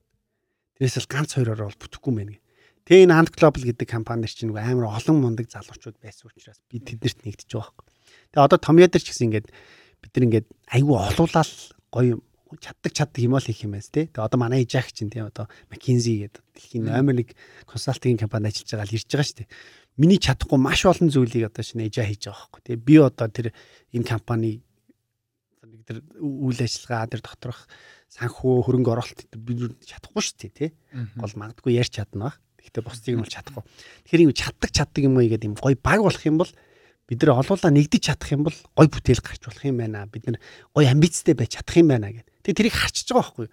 Тэр дэлхийн компаниас илүү анд глобал дээр би биеэрээ мэдрээ дотор нь тэр хүмүүсийн нэг нь болоод тэгээ ингээд тэр баахан Японы хөрөнгө оруулагч нартай те маш удаан хугацааны уулзлуудыг хийж байгаа 10 сая доллар босгочлоо шүү дээ. Одоо дахиад дараагийн хөрөнгө оруулалт нь баг одоо босч байгаа байхгүй. Гэхдээ энэ Монгол хүнд итгээд Тэ энийг стартап хүн ингээд 30 тэрбум төгрөг өгчөж шít. Тэр чинь одоо зээл биш байхгүй юу? Хөрөнгө оруулж чинь чамд. Чамд итгэж чинь гэсэн үг байхгүй. Тэгэхээр бид нэр өөрсдөө итгэх хэрэгтэй байна. Монгол хүн гэхээр л нэг юм жижигхэн нэг юм амбар хийдэг бишээ. Бид нар ингээд дэлхийн түвшинд бид нар өнлүүлж чадчихна. Хүссэн монгол залуучууд очиод топ компанид нь топ цалингийн аваад сууж чадж шít. Тэгэхээр бид нар одоо юунаас айхыг ганц л амьдрын шít залуу хүмүүс. Тэгэхээр жоохон томхон амбицтай, томхон зоригтой. Гэхдээ үнэхээр тэр нь үнэхээр хичээгээд байвал бүтдэг. Алсын хараа гэдэг чинь хичээгээд байвал бүтээд байгаа юм шиг. Гэхдээ хизээж очиж чаддгүй зүйлийг л алсын хараа гэдэг байхгүй юу? Тэгэхээр чи нөгөө тэр нь би тэрийг үнэхээр бүтээн гэсэн үг гэхдээ ойртон тэр луга тэр луга дөхнө. Тэгжээж би өглөө босохороо би гоё гоё ста. Өнөөдөр очиод тэр луга нэг алхам ойртон, хоёр алхам ойртон тий гэдэг тэр мөрөөдөл байгаа. Тэгэхгүй би ингээд механик юм амьдралын циклд орчих юм бол энэ чинь амьдрал утгагүй болчих тий. Энэ том оо багийг бүрдүүлэхэд таны хувьд их залуучуудтай хамтарч ажилладаг. Йоо ажлынхаа хамгийн хөшин ядаргаа тий. Энэ багийг та юу яаж бүрдүүлсэн бэ? Ер нь за одоо чинь гадаадаас ирээд анд глобалтай нэгднэгээд өмнө энэ хүрээллийг бий болгоцсон байсан уу? Одоо нөгөө захирлын судалт хүн хязгаарч ярилцлаганд дуудагдаж очтгоо гэдэг шиг өмнө байсан нөгөө хүрээлэл нь эргээд за байрсан хаан хүрээдэр хэдүүл хамтарч юм хий гэдэг тийм боломжийнх нь үд хаалгыг нээсэн үү? Яаж тэр сайхан баг хамт толны хүрээлэл донд орох. За дээрээс нь тэр сайхан баг хамт толныг нэгтгэхэд ямар боломжууд танд байсан? давуу талууд байсан. Дандаа хуучин одоо би монголчин ялангуяа амар жижиг гин штэ. Монгол гэлтгүй ер нь л хаа газар л адилхан юм элэ л тэ. Дандаа ингээд нэм нэтворкероо дамжуулж бага бүртгүүл. Тэгэнгүүт чинь чи тодорхой хэмжээний бас нэтворкүүдэд харьяалтай. Та нар ингээ магадгүй зөө. Би хэнийг ч танихгүй үгүй. Чи 10 жилээ төгссөн байгаа үстэй. 10 жилээ төгссөн бол чи дор хаяж нэг юм 2 300 хүнийг бол таньдаг байгаа тий. Тэд нар бол чамайг мэддэг байгаа. Одоо чамайг хаана юу хийж байгааг хараал явж байгаа. Тэгээд тэр хүн чинь ямар нэгэн хэрэг болохоор чамд санал тавьдаг байхгүй. Шүү 50 чи одоо юу хийж яах вэ? Мань мань нэг юм ихлүүлж байгаа чи хамтрах уу? Тэ? Данд глобал тэр болдоо битэр чинь Монтүрк хамт байсан. Төнгөт нь болдоо анар хоёр нь бүр багасаа нэг нутгийнх байсан ч гэдэм юм. Ингээд ингээд ингээд хоорондоо сүлжээтэй болчихж байгаа байхгүй. Тэгээд тэргүүрээ л ингээд дандаа холбогд тэ. Одоо чинь Эжап дээр яаж танилцгийг юм чинь. Эжаа чинь нөгөө сурж байхдаа ажиллаж байхдаа 100 болгон ирээд одоо юу гэдэг Монголдо нөгөө сурагчдад зориулсан хөтөлбөр мөтөлбөр те гадагшаа явахт нь тусалж муслаад ээж идэг байсан тэрэнд нь тэрнийхээ зав цагаар ингээ надтай ингээл уулзаа уулзаал те намайг анд глобал дээр хахад ирж ярьж мараал ингээл тэгэл би биенийхээ юу юу өсөж явдаг юу мөрөөж явдаг тэр мэрийг ингээл ярьчихж байгаа байхгүй тэгэхээр ингээ дандаа ингээ хүн чинь ингээ зар тавьж хүн олох гэхээс илүү тэгэхээр таньдаг хүмүүсээ те итгэдэг хүмүүсээ би биентэйгээ ойлголцдог хүмүүсээ одоо нөгөө сүлд би ном гаргасан шүү дээ те тэр номон дээр ч гэсэн ингээ хамтрагчаа болно бага бүрдүүлнэ гэдэг чинь үнэхээр чи нөгөө 100 метрийн радиустай нөхөр штэ чи те. Тэгээд бас бид яг тийшээ тэгж очино гэж хэлж чадахгүй штэ. Тэгэхээр чин чи ингэ төөрчөж магадгүй штэ. Чинийг хамтарсан баг чин дампуурчж магадгүй эсвэл амар хэцүү байдалд орж болно. Тэр үед чиний хажууд үнэхээр бат зогсож чамтай хамт ингээд өө зүгээрээ баярсагааха хідүүлээ энийг давж гарна гэдэг хүн хэрэгтэй байхгүй юу. Тэгэхгүй одоо юу гэдэг компани жоохон ингээд доголдоол ирэх юм бол хаяа явцдаг тийм багийн гишүүнтэй байж болохгүй байхгүй. Тэгэхээр тэр хүн чинь дандаа өмнө нь таньдаг байсан ч юм уу тодорхой хүрээллийг мэддэг хүмүүсээс л олдно л доо. Тэр нь хамгийн зөв. Гэхдээ мэдээж бас яг энэ тентхийн бас шин танилцуунтайгаа байхгүй боломжгүй гэсэн үг биш л дээ. Эргээд э, Tomio аппликейшны хатлаар оръё. талаар 2 3 асуулт асуу гэж бодож байна. А Tomio аппликейшны энэ санаа таны өөрийн санаа байсан уу? А Тэгэд нэрийг бас нэрээ хэм өгсөн. Нэр айгуу гоё шүү. Нэр нь амар гоё шүү. Аа. Томьёотой холбоотой бүх юм заяа манай багийнх нэг заяа. Миний юу ч аахгүй. Томьёо гэдэг нэр заяа байхгүй. Би ихлээр Pacific гэдэг нэртэй дотор бодчихсон. Яга Pacific вэ гэхлээр а Seattle чинь Pacific Ocean аахгүй юу? Тэрний ирэг дээр байдаг аахгүй юу? Тэгээд Pacific North гэдээ нэрлэж байгаа аахгүй юу? Тэгээд Монголоос амар хол штэ. Тэнгүү чинь ингээд Монгол залуучууд дэлхийн төвшин ингээд сурна боловсрон те ингээд нөгөө дээр үд чи хээрийн шуу нисэн үл хурах газар мазар гэдэг штэ. Тэгээ Монголоос очихоор ингээд тийжиж баг 8000 9000 майл гэдэг чи одоо хичнээн 10 мянган км штэ. Тэгэхээр Пасифик руу явна маун те одоо тэр нэг тийшээ очно мочно гэдэг тэр төсөөлөөр Пасифик гэсэн аахгүй. Тэгсэн чинь барьсаахаа энэ шиг тэнийг нэр байхгүй гэ тэ. Тэгээ манайхан бүгдээрээ сууж агаад 10 хэдүүлээ сууж агаад бүгдээрээ ингээд Excel гаргаж агаад нэр нэрний санаа явсаах. Тэгээ Excel дээр бүгдээрээ бичээл. Тэгсэн чинь манай CTO би гоё нэр олчлоо гэдэг байхгүй. Юу ийгсэн чинь формула гинэ. Аа. Юу формула ямар тэнэг сонсогд юм бэ гээл. Тэгэл манай эрхмээ тэгэл тэгдэг байхгүй. Наа ч угаасаа тийм формула 1 гэдээ уралдаан байдаг. Формула хэр чи шууд юу санагч чинь юу лээ? Хурд машин. Тий, хурд мурд тий. Сони ямар ямар тэнэг юм бэ мэ нэг юм бэ гэл амар чөлөөтэй дискшн хийж байгаа. Тэгсэн чинь маа ханд заяа хажинаас. Өө монголоор томьёо биш наа чинь Гэтэ наа чи нөгөө монголоор томьёо гэж үчгээр амар сонирч хатуугийн тэмдэг ёомоо гэл те. Тэгэхээр ингээд томьёо гэдэг үг гэж англиар бичгээр амар гоё юм биш тэгэл. Тэгэл тэндээс гарч. Тэгээ санал асуугаад эн чин Pacific байж байгаа нөгөө Africa гэдэг штэ те. Нөгөө Eureka гэдэг те. Тэг ингээд бүр 10-аад нэр дундаас аа гарч ирсэн нэр аахгүй. Тэгээд томьёо, томьёогийнхэн зорилго нь юу вэ гэхээр таны таныг одоо те хүсэл мөрөөдөлтөд хүрэх томьёо чинь, амжилтанд хүрэх томьёо чинь гэсэн утгатай тийм байхгүй. Тэг ингээд англиар Токио, Томьё тий. Ингээд олон улсад гарахад наа чинь уншигдах хэвээр. Одоо ингээд би бид их нэртэйгээ ч гэсэн би тэр хүүхдэд нэрээ хүүхдэд ихтэй тэгжээс аахгүй. За өөртөө гадаад очиод Баяр Сайкан гэж хэлүүлэхэд амар хэцүү байсан. Тэгэхээр хүүхдүүд маань 6 өсгнээс илүүгүй байна шүү гэж жагаад нэр өгсөн аахгүй. Тэгэхээр тэр айгуу чухал Томьё ч гэсэн 5 өсгтэй. Гадныхан сонсохоор амар гоё. Тэгээд амархан би. Тий, Томьё гэл айгуу дайжгүй. Аа ер нь бол Томьёогийн давуу тал онцлог шин чанар тэр зүйлүүдийг та дийлэн хийнээрч шиг боллоо. Тэгээ яг 4 5 жилийн өмнө ч юм уу нэг одоо боловсролын байгууллага гэхээр нөгөө гадаадд сурах гэсэн хүүхдүүдийн хүсэл мөрөөдлөөр бизнес хийдэг байгууллагууд зөндөө байлаа шүү дээ. Зурчлалын байгууллага. Тэр үе чинь нөгөө таны хэлж байгаа мэдээлэл хомсдог бүгд л гадагшаал явах юм гоё юм байна гэдэг бодолтой байсан. Тэгээ сүүлийн үед нөгөө энэ зах зээл дээр таны хэлж байгаа шиг ингээ та түүчэн болоод маш олон боловсролын байгууллагууд хөл түрэн орж ирж гин. Тэгээ бүр сургуулиуд нүртлөө өөстөө хэлж байгаа таны хэлж байгаа шиг аппликейшнтэй болох хэрэгтэй байна. Бид нарын дижитал руу орох хэрэгтэй байна гэдэг ер нь өөрчлөлтийг хийж эхэлж байна л да нийгэмдээ. Тэгэхээр энэ бизнес нэг одоо цаана нэг боловсрол гэхээр давхар нэг гой сэдв яваад байдаг хүмүүсийг боловсралтай болгоё. Цааталт нэг бизнес бас ашиг сонирхол цаана яваад байдаг. Тэгэхээр энэ тэнцвэрийг Томьёогийн хувьд болохоор хэрхэн аа тэнцвэрийн одоо барьдаг вэ гэж би одоо илүү асуухыг хүсэж байна. Мэдээж хүмүүс ажиллаулж байгаа энэ том баг хүч хөдөлмөр зарж байгаа. Тэгэхээр мэдээж цаана ашиг гэдэг зүйл ямар ч бизнест бол яригдж байгаа. Тэгэхээр ашигын бус байгууллага гэж хэлж байгаа боловч одоо таадын хувьд бол нэг жил болчлоо. Шинэ офс руу нүүцсэн. Тэгээд энэ ковид үед бол би харин энэ боловсролын салбарч ашигтай болов уу гэж хараад байна. Нууц шот бол одоо нөө breaking point гэж яддаг. Яг ашигын цэг дээр очиж гин үү? Байхгүй шүү дээ. Юу яриад байгаа юм бэ? Одоо ашиг авах дандаа л нэг хөрөнгө оруулалтанд нөхөх. Нөхөх биш, хөрөнгө оруулалтаа үрэх. Үрэх. Дахин дахин дахин нэмж хөрөнгө оруулалт татах тийм. Тий, угаасаа би таад шүү офс офс нөгөөд хаа нөө ковид үед балж байгаа юм гэсэн. Энэ бол цэвэр хөрөнгө оруулалтынхаа мөнгөөр. Тий шүү дээ. Нөө оны өмнө бид нэр тэрбум төрний хөрөнгө оруулалт авсан гэдэг чинь л одоо ингээд дараагийн төвшөндөө гарахын тулд бид нэр ажиллах орчин тий баг хамт олон одоо хийж байгаа ажиллаж байгаа зорж байгаа зах зээл гэх бүх юм л бид нар дараагийн түвшинд гарах хэрэгтэй байхгүй. Тэр утгаараа бид нар шинжилгээ хийгээ явж байна. Аа ашиг гэдэг зүйлийг бол бид айгүй урт хугацаанд харж байгаа. Тэ? Бид эн чинь ингээд үн цэн эхлээд үүсэх хэрэгтэй. А тэр үн цэнийг нь дараа нь аа тэр одоо санхүүгийн өгөөж болох нь бол асуудалгүй. А тэг би түрүүнд хэлж штэ ямарваа бизнесүүд ингээд эцсийн үр дүн амладаг тийм үү? Эцсийн үр дүн амлахаа амлаад Тэгээ хүмүүсийг мэдээлэлгүй дээр нь тоглож одоо ашиг хийдэг байсан дээ. А одоо ямар орчин үеийн бүх бизнесүүд ямар төвшөнд очиж байна гэхээр уучлаарай би чамд эцсийн үр дүн амлахгүй. А би чамайг democratizing information гэдэг байхгүй нэг. За би чамд амжилттай тэр эцсийн үр дүнтэй очихд чинь хэрэгцээтэй бүх мэдээлэлэр чи хангая. Чи өөрөө эцсийн үр дүнд очив. Би чамд бүх мэдээлэл чи өгд. Одоо ингээ үйл хөдлөлийн салбар заяа. Үйл хөдлөлийн салбар уламжлалт утгаараа ямар байдаг вэ гэхээр нэг үйл хөдлөлийн агент агент гэж заяа одоо брокер те би чам дээр очиод чамайг мэдээлэл хүчин дамжуулаад далимдуулаад би чамд нэг байр зарчдаг байхгүй. А тэгсэн чинь энийг одоо шинчилж байгаа бизнесүүд яаж яах гэхээр оо уучлаарай тайвна. Чи энэ энэ брокерт итгэж болохгүй шүү. Би чамд чиний эргэн тойронд одоо ямар ханштай ямар байрууд байгаа тэр бүх мэдээлэл чинь чамд өгье чи сонголтоо. А тэгэхгүй л чи мэдээлэл байхгүй шүү. Яг тэрнтэй адилхан томьёогийн зорилго байхгүй юу?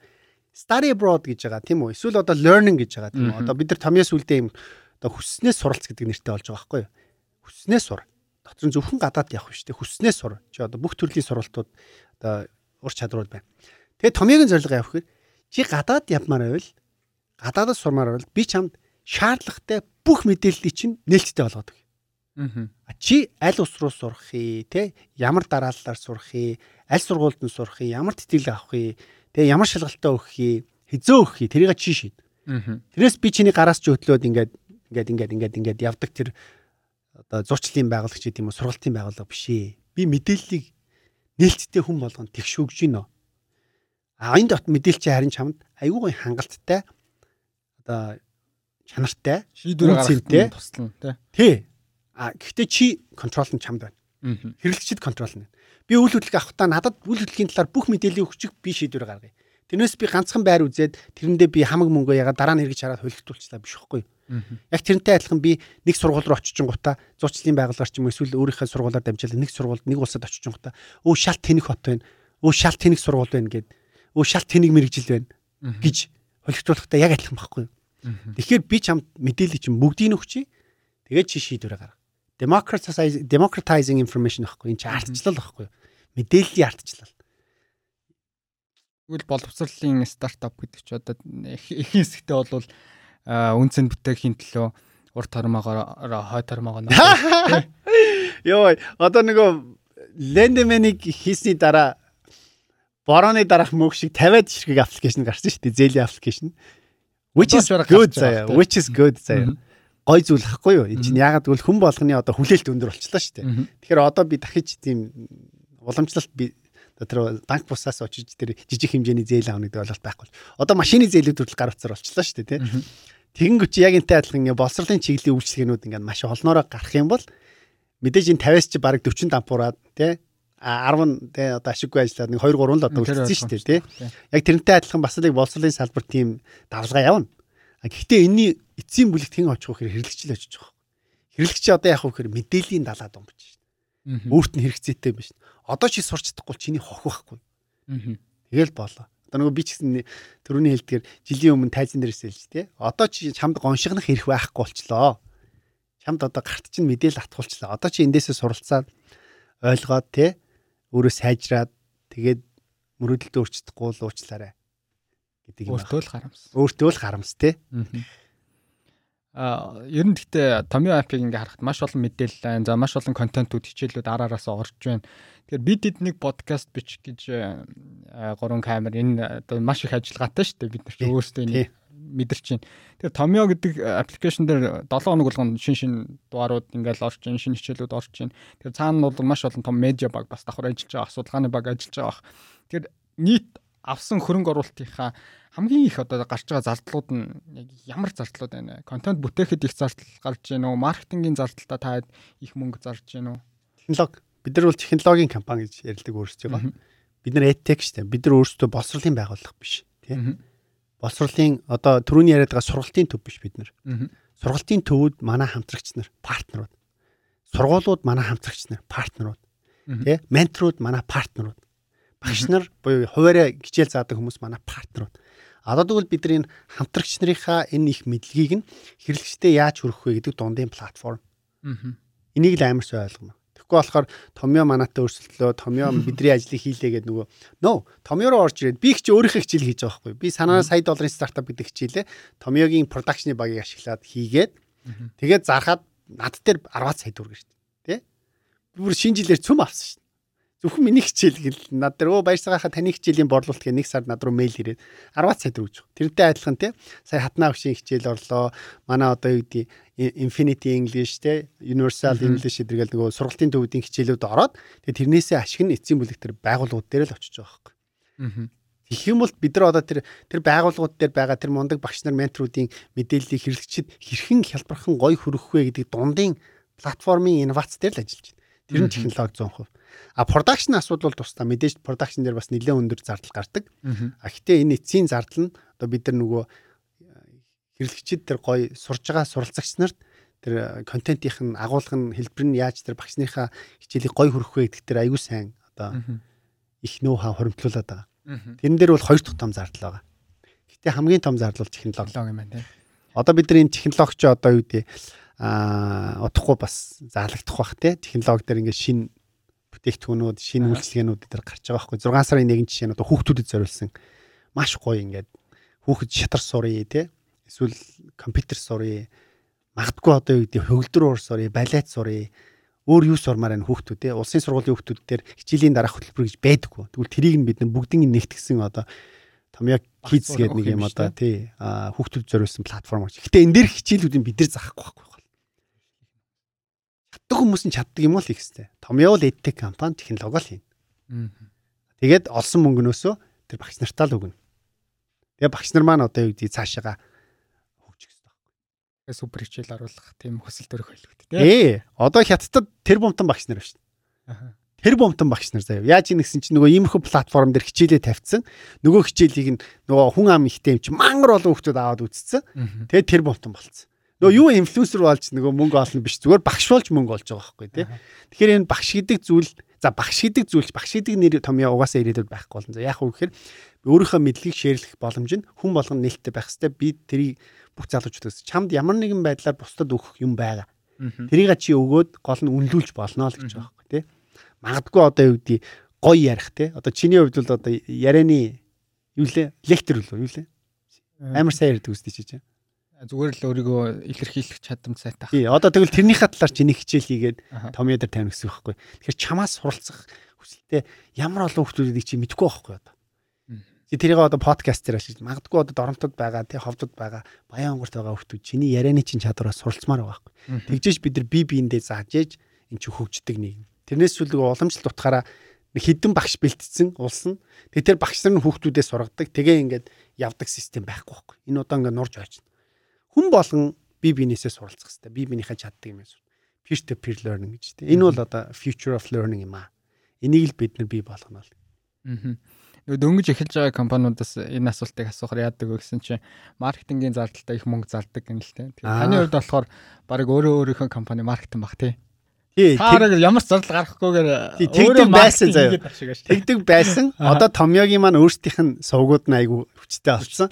Тий, тэгээ би сүлдээ сая ном гаргачаад миний номыг сурчлаад өгөлдөөгөө Томьёогийнхнаас асуусан байдий. Тэгээ таны хувьд бас тэр талаараа одоо Яг энэ дэр нэг юм байдаг л да. Аа компани эхэлж явах хувьд одоо нөгөө л ном дээр бичсэн шүү дээ тий. Компани эхэлж явах хувьд маркетинг дээр маш том зардал гарах хэрэггүй. Бид нэр storytelling хийх хэрэгтэй тий. Storytelling гэдэг юм чинь маш хүчтэй. Өнөөдөр зэм 50-аа яагаад энэ подкастыг хийгээд байгаа гэдэг тэр шалтгаан, тэр одоо хүсэл эрмэлзэлд хойно байгаа тэр түүх айгуу чухал байхгүй.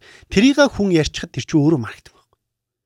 Тэрнтэй адилхан томьёо гэдэг зүйлийг яагаад хийгээд байгаа юм бэ гэдгийг ярих нь айгүй чухал. Тэр чинь өөрөө манай бүтээгдэхүүнийг аваарай, манайх юм хичээл орлоо гэдгээс 100 дахин чухал одоо үнэтэй маркетинг байхгүй. Тэгэхээр би одоо бизнес эрхэлж байгаа залуучууд эсвэл ямар нэг юм эрхэлж байгаа залуучууд хэлдэг байхгүй. Би талах барьдаг тийм үү? Түл чи яагаад талах бариад байгаа гэдгийг л ярьч л та. Тэрийг чи энэ тэнд очиод амар олон янзаар яриад ах юм бол хүмүүс чиний талахыг худалдаж авна. А хоёрдугаарт нь ямар нэгэн бүтээгдэхүүн үйлчлэгийг хүмүүс хүнээр төсөөлөх дуртай байхгүй. Ингээд одоо бодлоо За Монгол ТV-г чиний толгойд хэн орж ийн те. За одоо магадгүй тийм үү одоо юу гэдэг Amazon гэвэл хэн орж иж ийн те. Tesla гэвэл хэн орж иж ийн хүн байх хэрэгтэй байхгүй хойно. А тэр хүн байхгүй болохоор чинь тэр чинь ингээд нэг хүнд нэг юм барьцгүй болдог байхгүй. Тэгэхээр тэр дүрээ гаргаж ирсэн. Тэр чинь нөгөө компани чи хипстер гэдэг байгаа нөхөр байхгүй тий. Тэгэхээр тэр тэр тэр хоёр чинь ингээд амар сайн нэгдэж явах хэрэгтэй. Тэр хипстер чинь компани чинь түүхийг ярьж явах хэрэгтэй. Сториг ярьж явах хэрэгтэй. Тэгэхээр тэрийг бол одоо юу гэдэг нуугаад ах юм байхгүй. Одоо би өмнө лендемен дээр ч гэсэн хэрэгэлсэн шүү дээ тий.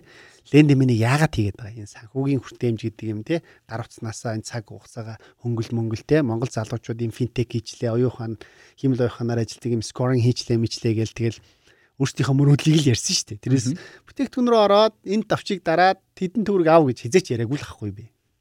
Энэ хэрэглэгч нар аливаа бүтээгдэхүүнийг хөдөлтөж авахтай итгэл үнэмшил, итгэл байж аж авдаг юм шүү.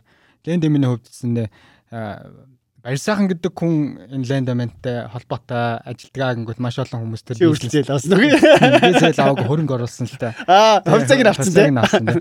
Тэгэхээр э, тийм ихтгэл төрдөг юм шиг. Тэгэл яг л адилхан тэр нэг түүхээр тэр баяр сайхан гэдэг хүнцэндээ энэ томьёо дээр бол маш олон баяр сайхан хийсэн бизнес гэдэг утгаар нь маш олон хүмүүс ихтгэл өгч хэрэглэгч нар нь болж байгаа гэж бодож байна. Хэрвээ баяр сайхан гэдэг хүнийг энэ томьёогоос аваад хажуудалд нь тавиад за одоо энэ томьёог ингээ хараагүй бол нэг жилийн дотор хэдийн хэмжээнд одоо барьсан гэдэг хүн байхгүйгээр цаашаа ингээд доктортой яваад явчих тэр ялгарх шин чанарын та хэлийг бол. За одоо наадах чинь компани дараагийн стейж байхгүй юу? Одоо бүр компани томорч байгаа, докторчж байгаа. За дахиад ном дээр бичсэн байгаа. За юу. Ном номоос урчлах юм ааш. Санаанаас сая долларын стартап. Эхлэлийн компани, өсөлтийн компани, докторчлтын компани гэж тустай байдаг байхгүй. Одоо докторчлтын компани жишээг авъя л та. Жишээ нь худалдаа өгсөн юм байна. Өнөөдөр захирал нь хийн. Чи мэдгүй байгаа үстэй. За мэддэг байхaltaа санхүүгийн салбар юм болохоор. Гэтэ дэлхийн одоо Монголын ихэнх хүмүүс нь харилцагч нь мэдхгүй заяа. Хаан банк өө нөгөө Джон Бэл явцсан юм уу? Би нэг удаа мэдэнээс харснаас яг захирал нь хэн байгаа би мэдхгүй байхгүй. Доктор нь хэн байгаа би мэдхгүй. Тэр чинь одоо тогтворчсон компани байхгүй. Одоо даатгалын компаниуд байна. Эсвэл одоо юу гэдэг. Одоо лендемэний захирал чинь хэн болсон мэдж байгаа юу? За магадгүй хувьцаатай болох мэдж байгаа. Хүн мэдхгүй байгаа. Чи тогтворчсон компани байхгүй. Тэгэхээр энэ яг үхээр хүнээс хамааралгүй болох нөхцөл. MCS-ийн одоо ихэнх компаниуд нь тийм болсон. А эхлэлийн компани, өсөлтийн компани дээр заавал нэг хүнтэй associate хийх ёстой юм шиг надад санагддгийг. Тэгжээж илүү чиний яриад байгаа тэр нэг юм visualization буюу төсөөллийнх нь хэрэглэгчийн төсөөлөөд хүн харагдаад итгээд тэг ингээд тодорхой хэмжээнд татагддаг, хамтардаг, partnership хийдэг тэг худалдаж авдаг. А тэгэнгүүт чи одоо эхлэлийн компани сорилт гэж байна, өсөлтийн компани сорилт гэж байна. Өсөлтийн компани сорилт нь яг үхээр одоо яаж энэ хүнээс хамааралгүй энэ бизнесийг болгох вэ гэдэгс дараагийн үе рүү дараагийн үе байхгүй. Тэр өөрөө одоо юу гэдэг тодорхой системтэйгээр хийгдэж байгаа менежментийн баг бүрдүүлэх те компани маркетингийн бодлогын шинжлэх одоо одоо стратегийг нь жоох ингээд бодолцож нэг за фейс 1 фейс 2 фейс 3-аар ингэж явъя гэх мэтлэн яриаар ортох. Тэгэхээр тэрэн дээр бол бид нар лендмен дээр тэр транзишнийг хитрхи хүчтэй хийсэн. Мангар хурд өсөлтөөс нь гяс хувьцаат компани болгоод за одоо докторчлаа гэж орцсон байхгүй. А одоо энэ дээрээ буцаж бид нар бас ажиллаж байгаа. А Томьёо дээр бол одоо энэ бол баяр сайхан байсаар л байна. Тэ? Тэгэл цаашаага Томьёогийн брэндүүд одоо үйлчлэгээнүүд олон болоод явж байна. Тэгэхээр одоо ингээд баяр сайхнаас өөр одоо манай дээр сая инхчин гэдэг одоо apprentice тэ? Финалд үлдсэн бүсгүй одоо манай Монголын үйл ажиллагааны operation дээр нэлээд одоо том үүрэг ролтойгоор тэ орж иж байгаа. Нэг гэн сар болж ийн одоо бодоолгож ийн тий. Тэгэхээр инхч маань одоо жишээ нь аль хэсэг дээр нь илүү их үйл ажиллагааг нь хариуцах уу, эжаа маань олон улсын их дээр хариуцах уу тий. Гэх мэтлийн ингээ үүрэг ройл нь одоо ингээ задарч эхлэх байхгүй. Тэгэхээр тэгэхээр нөгөө баяр сайхны дээр төвлөрсөн сарнил арилна гэсэн үг байхгүй. Хүчин хуваагдах нь. Хүчин хуваарлагдах нь тий. Тэр улам одоо бага та томруулж байгаа юм чи үйлчлэгэнс нь томрно гэж чинь нууц биш бол одоогор энэ хэдийн хэмжээний хөрөнгө оруулалт татсан байгаа бай. Аа тэрбум гарan тий. Тий. Цаашдаа одоо бас хөрөнгө оруулалт сая бас тэр нөгөө PG хийсэн гэж дахиад бас хөрөнгө оруулалт татах сонирхол байгаа гэж байна. Аа тэр бол 100% олон улсынхаа үйл ажиллагаан дээр тий. Тэр бол одоо Монгол Монгол дээр бид нар тодорхой хэмжээний операшнээ цаашаа томруулаад сая хэрэглэгчдэр хүрнэ гэдэг зорилтынхаа хүрээнд явж байгаа. Хүснээ сур гэдэг үрэйтайгаар ингээд дотор нь бүх төрлийн насны бүх төрлийн хичээлүүдийг оруулаад явж байгаа. Аа тэгээд олон улс дээр бол 100% цэвэр одоо юу гэдэг core технологи буюу бидний нөгөө босгосон тэр бизнес инновац болон технологийн инновац экспортлох ажил нь бол тусдаа явж байгаа. Тэрэн дээр хөрөнгө оруулалтууд одоо басахгүй явж байна. Анхны хөрөнгө оруулалт э, татж исэн тэр түүхээ гоё хуваалцсан юм бол тэр боломжийг ер нь одоо хөрөнгө оруулсан хүмүүс нь за нууц нууцл байгаа хэл та компани хувьд. Нууц биш шүү дээ. Би ном дээр оруулсан хүмүүс нь хувь хүмүүс Чи миний намайг уншаагүй юм шүү. Хөрөнгө оруулсан хүмүүс нь стратегийн хөрөнгө оруулагч нар байгаа юу? Хувь хүмүүс байгаа юу? А эхнийх нь бол эхний хоёр нь бол Томьёогийн эхний хоёр Angel гэж ирдэг байхгүй тий. Сахиусан тэнгэр. Одоо Аа надаа нэг нэг нэг хөрөнгө оруулагч ингэж тайлбарсан амар гоё надад санагдах. Одоо ингээд сонсож байгаа хүмүүст амар. Чи ямар нэгэн компани байгуулах гэж байна те. Тэгээ баг бүрдүүлээд тэгээд нэг юм далаа руу аялах чинь яваад. Тэгээд чиний очих байгаа зэг чинь тэр арал гэж бод те. Тэгэнгүүт чинь яах вэ гэхээр хамгийн анхны хөрөнгө оруулалт гэхэр чи нөгөө далаа руу гарахын тулд эхлээ чи хинтэн хамт явахаа сонгоно. Дараа нь тэр одоо ямар завин дээр суух юм. Тэрийг барина те. Эхлээ завиа хийн. Тэгээд завтайгаа дараа нь ус руу орно Тэгээ усанд орчин нөгөө зав чинь хөвч ч юм уу живч ч юм уу мэдхгүй. Тэгээ явж исэн чинь далаан шуурм урган тэр чинь унчих юм уу те тэр арал дээр очно гэдэг чинь хэн мэдхий. Завчгүй жиж юу хуцаад байгаа гэдэг байхгүй юу. Тэр чинь энжлүүд байхгүй. 100% чамд итгэж хөрөнгө оруулдаг. Тэгэхэнгүү чи одоо яах вэ гэхээр үнэхээр одоо чи өмнө юм хийгээд харуулсан байж ээж нөгөө хүн дээр очиод за би одоо энэ босрлын одоо Монголд байгаа энэ асуудлыг шийдвэрлэж байна. Тэгээ нэг ийм бүтээгдэхүүн хийж байна те. Бүтээгдэхүүнч байхгүй ярьж байгаа шүү дээ. Тэгээд хамгийн түрүүнд нөгөө талигаач оюун гэрэлтэй Петровисын талигаач дээр бит хоёр очиод тэгээ Жап дээр очиод нэг л удаа болцсон. Аюу тэр хүнтэй. Бүр ингээд гэрт нь байхад нь гэрийнхэн доор байдаг кофе шоп дээр уулзаад өмнө нь болохоор яг ганц хоёр мэйлэр пичтек явуулсан. Тэгээд гэрт нь кофе шоп дээр буугаад цаатах чинь баг баг ингээд хүн чинь ингээд гэртээ амарч яхад нь болгочих жоохгүй. Тэгээ ингээд нэг 30 минутын хугацаанд хийгж байгаа юм ингээд тайлбарлаа тий. Тэгэл угаасаа талигаач чинь боловсролын салбарын талаар айгу тийм сэтгэл зүрхээ зориулж явдаг тий. Бүр сургуульд хөрөнгө оруулсан 10 сая доллар сүүлийн баг 8 жил хөрөнгө оруулсан тийм хүн баггүй юу. Тэгээд за их чаргалаа баяр сайхаа тий. Та нар хийх гээд амийг ойлгож гинөө. Тэгээд та нар үнэхээр хийх гэж байгаа юм хийгээрээ би зүгээр л оръё. Тэр тооцоо моцоо надад хамаагүй. Тэр өчр нь олдох хөл үдэг. Тэгэл шууд заагчих жоох. Тэгэд маргааш нөгөө хөөлч мөлч рүү бичиг баримтаа явуулаад анхны хөрөнгө оруулалт авчаа. Тэгээд маргааш нь дахиад мөнгчин гээд те маа найз надтай хамт Вашингтон их сургуулийг төгссөн. Одоо forex болон stock trading чиглэлээр одоо Монголд бол байтугай дэлхийд алж штэ тий. Тэгээ мөнгчин битээр чинь найз болохоор мөгчин бас манай офис дээр нэг ирээл тэгэл уулзаал тэгэл өө заац барьсгаах та их гэж юм. Өө ижаа чи өө заац шууд гээл. Тэгээ хоёр дахь нь байхгүй. Тэгээ энэ хоёр манай энжил байхгүй. Тэгэл тэр хоёроос авсан хөрөнгө оруулалтаараа эхнийхээ жилийг дуусгаад тодорхой төвшөнд очиод одоо дараагийнхаа хөрөнгө оруулалт. Тэгээ нэг хөрөнгө оруулалтууд ойролцоогоор нэг компаниг жилээс 2 жилийн хугацаанд авчууд байхгүй тогтворчлоо тий. Одоо тэгээд сая хөрөнгө оруулалт авсан юм чинь нэг хэсэгтээ бол авахгүй л ах гэж бодож байна. Тэгэхээр ийм гоё одоо нөгөө чи ямар нэгэн бизнест хөрөнгө оруулалт хайж байгаа бол ялангуяа иймэрхүү боловсрол гэдэг чиглэлд хөрөнгө оруулалт хайж байгаа бол мөнгө харж хөрөнгө оруулж байгаа хүнтэй хизээч бити нэг дээрэл гэж байгаа. Яагаад гэвэл энэний үнс нь гэдэг юм нь нийгэмд өгч байгаа шүү дээ тий.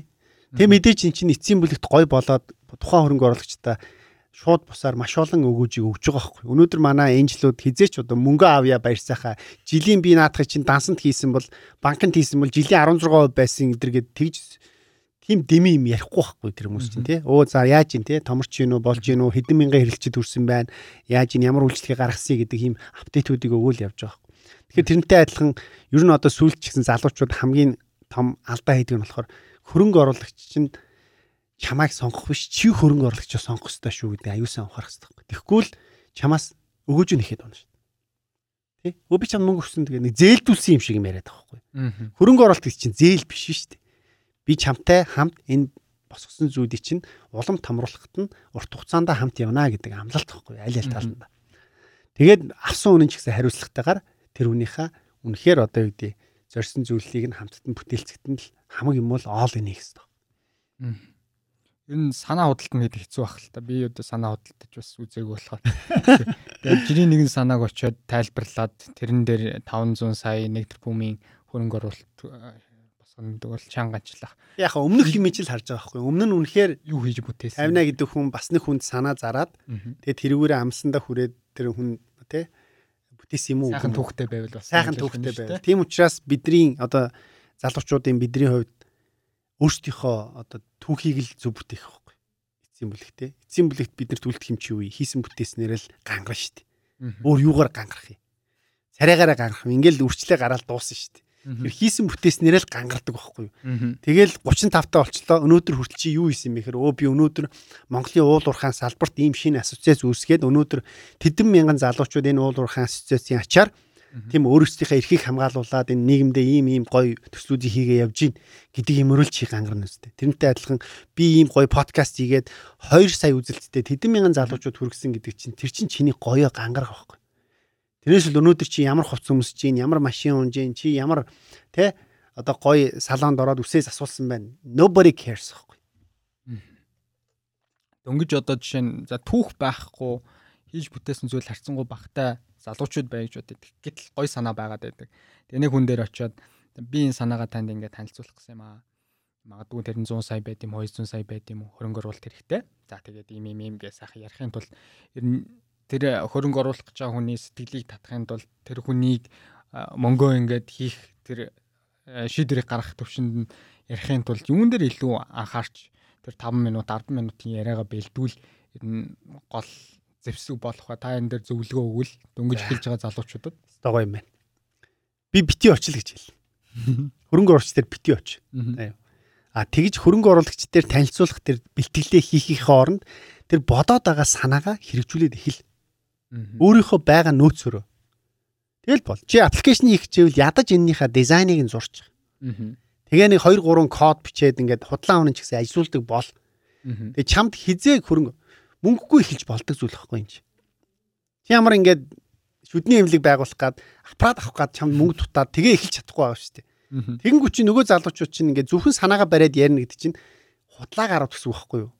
Чи тэрийг мөнгө олдвол хийн. Тэрнээс би хийхгүй гэж байгаа юм юу? Тийм учраас хий. Бага бүх юм хий. Ээжээсээ мөнгө ав, ааваасаа мөнгө ав, найзаасаа зээл. Мэдхгүй одоо юу гэдэг өөрийнхөө магадгүй илүүдсэн хувцснуудаа зар тэгж байгаа мөнгө гаргаад чамд ямар ч байсан эхлэлийн мөнгө байгаа. Хүн өөрөөсөө мөнгө гаргаагүй л хөрөнгө оруулах чамд хөрөнгө оруулахгүй. Чи өөрөө санаагаа хийж эхлэегүй л хөрөнгө оруулах чамд мөнгө оруулахгүй. Санаа гэдэг бол 0 төгрөгийн үнцэнтэй зүйл. Хүн болгонд байж идэг зүйл. Тийм учраас эхэлсэн явж байгаа. Одоо би энийгээ хийцэн чинь дараагийн амыг хийх гэсэн чинь надад амар инженер хэрэгтэй байна. Тэгээ би инженерийг найзынхаа найзаасаа би ингээд бас ингээд гуугаа цагаар нь хийлгүүлж байгаа. Гэтэ би энийгээ илүү хурцсамаар байна, илүү томсгомоор байна гэвэл хүн хөрөнгө оруулах. Аа чи үнэхээр энэ санаанд итгэж байгаа юм байна Үнэхээр энэнийхээ төлөө чи сүүлийн 6 сар өдөр шөнөгүй явцсан байна. А тэгвэл чи юм аа. Одоо наадахаа хурцгаадах томсгоодох гэдэг байна. Тэрнээс санаан дээр хөрөнгө оруулдаг хүн гэж байхгүй. Аль хэдийн эхэлсэн байх хэрэгтэй. Нөгөө үйлдэл гэдэг чинь маань. Маш гоё зөвлөгөө байна. Одоо чинь бид нар шиг залуучууд санаал байвал тэр санаагаа худал худалчих гал мөн босгочих гал хичээгээл тиймэрхүү бас сэтгэл хөдлөлтэй шийдвэрүүд гаргаад ах шиг байна л та. Өнгөрсөн жил бол ковидын хугацаа одоо ч гэсэн ковид ерөнхийдөө Монголд үргэлжилж байна. А дөнгөж бизнесээ эхлээд за бараг л ковид зэрэгцсэн баг те Монголд ингээд тусгаарлалтууд ороод. Тэгэхээр өнгөрсөн жилийн хувьд яг ковидын цаг үедээ томьёо хамт олонны хувьд хамгийн том тулгарсан бэрхшээл нь таны хувьд юу байсан? За тэр бэрхшээлийг бас яаж даван туулуу банк хамт олноороо. За бидний хувьд гэх юм бол яалтчгүй нөгөө яг гэр бүл шиг ингээд хамтдаа ажиллаж агаад тэгээд гинт бүгдээрээ гэр гэрээсээ ажиллахаар нэг юм энергийн би биентэйгээ мэдрэх юуны төлөө ажиллаад байгаа яагаад байгаа гэдгийг мэдрэх шалтгаан хэрэгтэй байд юм л да нэг юм socializing need те. Тэгээд тэрийг манайхан яаж шийдэх гэж оролцсон гэхээр яг өдөр болго хурал хийж байгаа те. Өдөр болго ингээл би биентэйгээ ингээл зумер хурал хийгээл явж байгаа. Гэхдээ тэр ингээд нөгөө хүний чинь хэрэгцээг хангахгүй байгаа байхгүй. Тэгэхээр яасан гэхээр манайхнаас за өглөө болгон 30 минут ажлаас өөр юм яри. Ажил ярихгүй шүү. Ажлаас л өөр юм яри. Тэгээд ярих сэдв болтохгүй бол маргааш нь ярих хүмүүсээ сонгочих. Тэр хүмүүс нь ямар нэгэн байдлаар нэг гой сэдв болоод танилцуулна уу, сургалт орно уу, тэ эсвэл гой тэр сэдвээ хөгжүүлнэ үү. Тэгээ явъя гэ. Тэгсэн чинь ингээ буцаад хамт олонний уур амьсгал үүсдэг юм байлээ. Тэгж өөрсдийнхөө одоо юу гэдэг тэр харилцаа холбоог нь бас тий. Тэр бол миний бодлоор амар том сорилт байсан. Тэ манай багийнхан тэрний шийдлийг гаргаад бас хийсэн. А хоёр дахь том сорилт нь бид нар мөнгөгүй болж исэн. Тэгээ 10 сарын үед мөнгөгүй болж исэн. Тэгээд тэр мөнгөгүй болж байгаа одоо ердөө ингээ гах одоо сандраагүй юм уу те одоо манай ээжа химэн гэдрэл ярьж байхдаа үүшээ одоо сарын дараа цалин тавих мөнгөгүй юм биш тэгэл тий. Тэгэл одоо нэр яах юм гээл тий. Тэгэл тэр үед чи яасан гэхэр нөгөө ковидын өмнө ингээ бүх хөрөнгө оруулж магадгүй гэсэн хүмүүсийн жигсаалтыг бичиж байгаа. Бүгднтэй ингээ Улаанбаатар явж уулзж байгаа байхгүй юу? Цаг аваа танилцуулаа тий ингээл. Тэгэл мөнгө орж ирэх үгүй мэддэхгүй, хөрөнгө оруулалт орж ирэх мэддэхгүй нэг юм нэг юм нэг сар байсан уу? Үгүй нэг юм хугацаа байж байгаа л. Тэгэл за за одоо ингээд вирус вирус ингээд ковид мовид болоод ер нь энэ хүмүүс манайд идэхгүй байна да. Ер нь хөрөнгө оруулахгүй байна да. Тэгэх юм бол одоо бага ингээл талыг нь ингээл үнэхээр явуулахаас аргагүй байна да гэл тэгээ бодож байгаа л баг баг карантин болцсны дараанаас тэ нэг нэг удаа карантин болоод нэг дунд нь завсарч яхад нь л нэг гэрээ зурсан шиг санагд Тэр бас яг хөө зүгээр манай багийнхан мэдрээгүй. Гэхдээ нөгөө үүсгэн байгуулагчид нь бол мэдэрсэн тий дотроо дотроо ингээд за яах вүлээ? гэл нөгөө Б план юу илээ тий энэ залуучуудаа яаж ингэж хамгийн баг дарамттайгаар энэ цаг хугацааг давах вүлээ мэлээ гэл тий тэгэл бодчихсон. Яг нөгөө янз бүрийн хүнд тэм шийдвэр гаргах үед тэгэл манлайлагч багийн ахлагч хүний бол гол үүргийг бол тагөөцдгсэн ба шүү дээ. Тийм учраас би яагаад ингээд ямар нэгэн зүйл эхлэж байгаа хүнийг хилдэг вэ гэхээр хамтрагч айгүй чухал шүү тий. Хамтрагч чинь мөнгөний төлөө чамтай хамтрах хэрэггүй шүү. Үнэхээр л чамтай тэр автобусан суугаад тэр аялал ингээ хол явъя гэдэг хүн л амар чухал. Яагаад гэвэл хэцүү бэрхшээлтэй өдрөө зөндөө ирдэг. Дандаа гоё байхгүй шүү дээ. Дандаа ингээ шампансыг буудуулаад дандаа гоё оо өстой гоё ингээ галга ташаал celebration байхгүй шүү. Тэр чинь ингээ бүр ингээ даун болох үе тий. Яах вэ ийх үү гэдэг юм зөндөө гардаг байхгүй. Тэр үед чинь чамааг нөхөх, босгож ирэх тэр одоо партнерчил амар чухал байдаг. Тэрэн дээр ингээд нэгдүгээр партнер, хоёрдугаарт хамт олон. Тэгээ хамт олон чинь бас яг нөгөө юм бизнесийн зарчмаар ингээд транзакшн байдлаар ингээд цалингийн төлөө ажиллаж байгаа хүмүүс хүмүүс чи яг яг тийм хэцүү үед ингээд хаяавчдаг.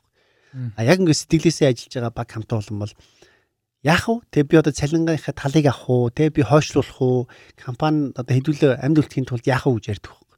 Тэгэхээр тийм баг л амар чухал, тийм л хамт олон чухал.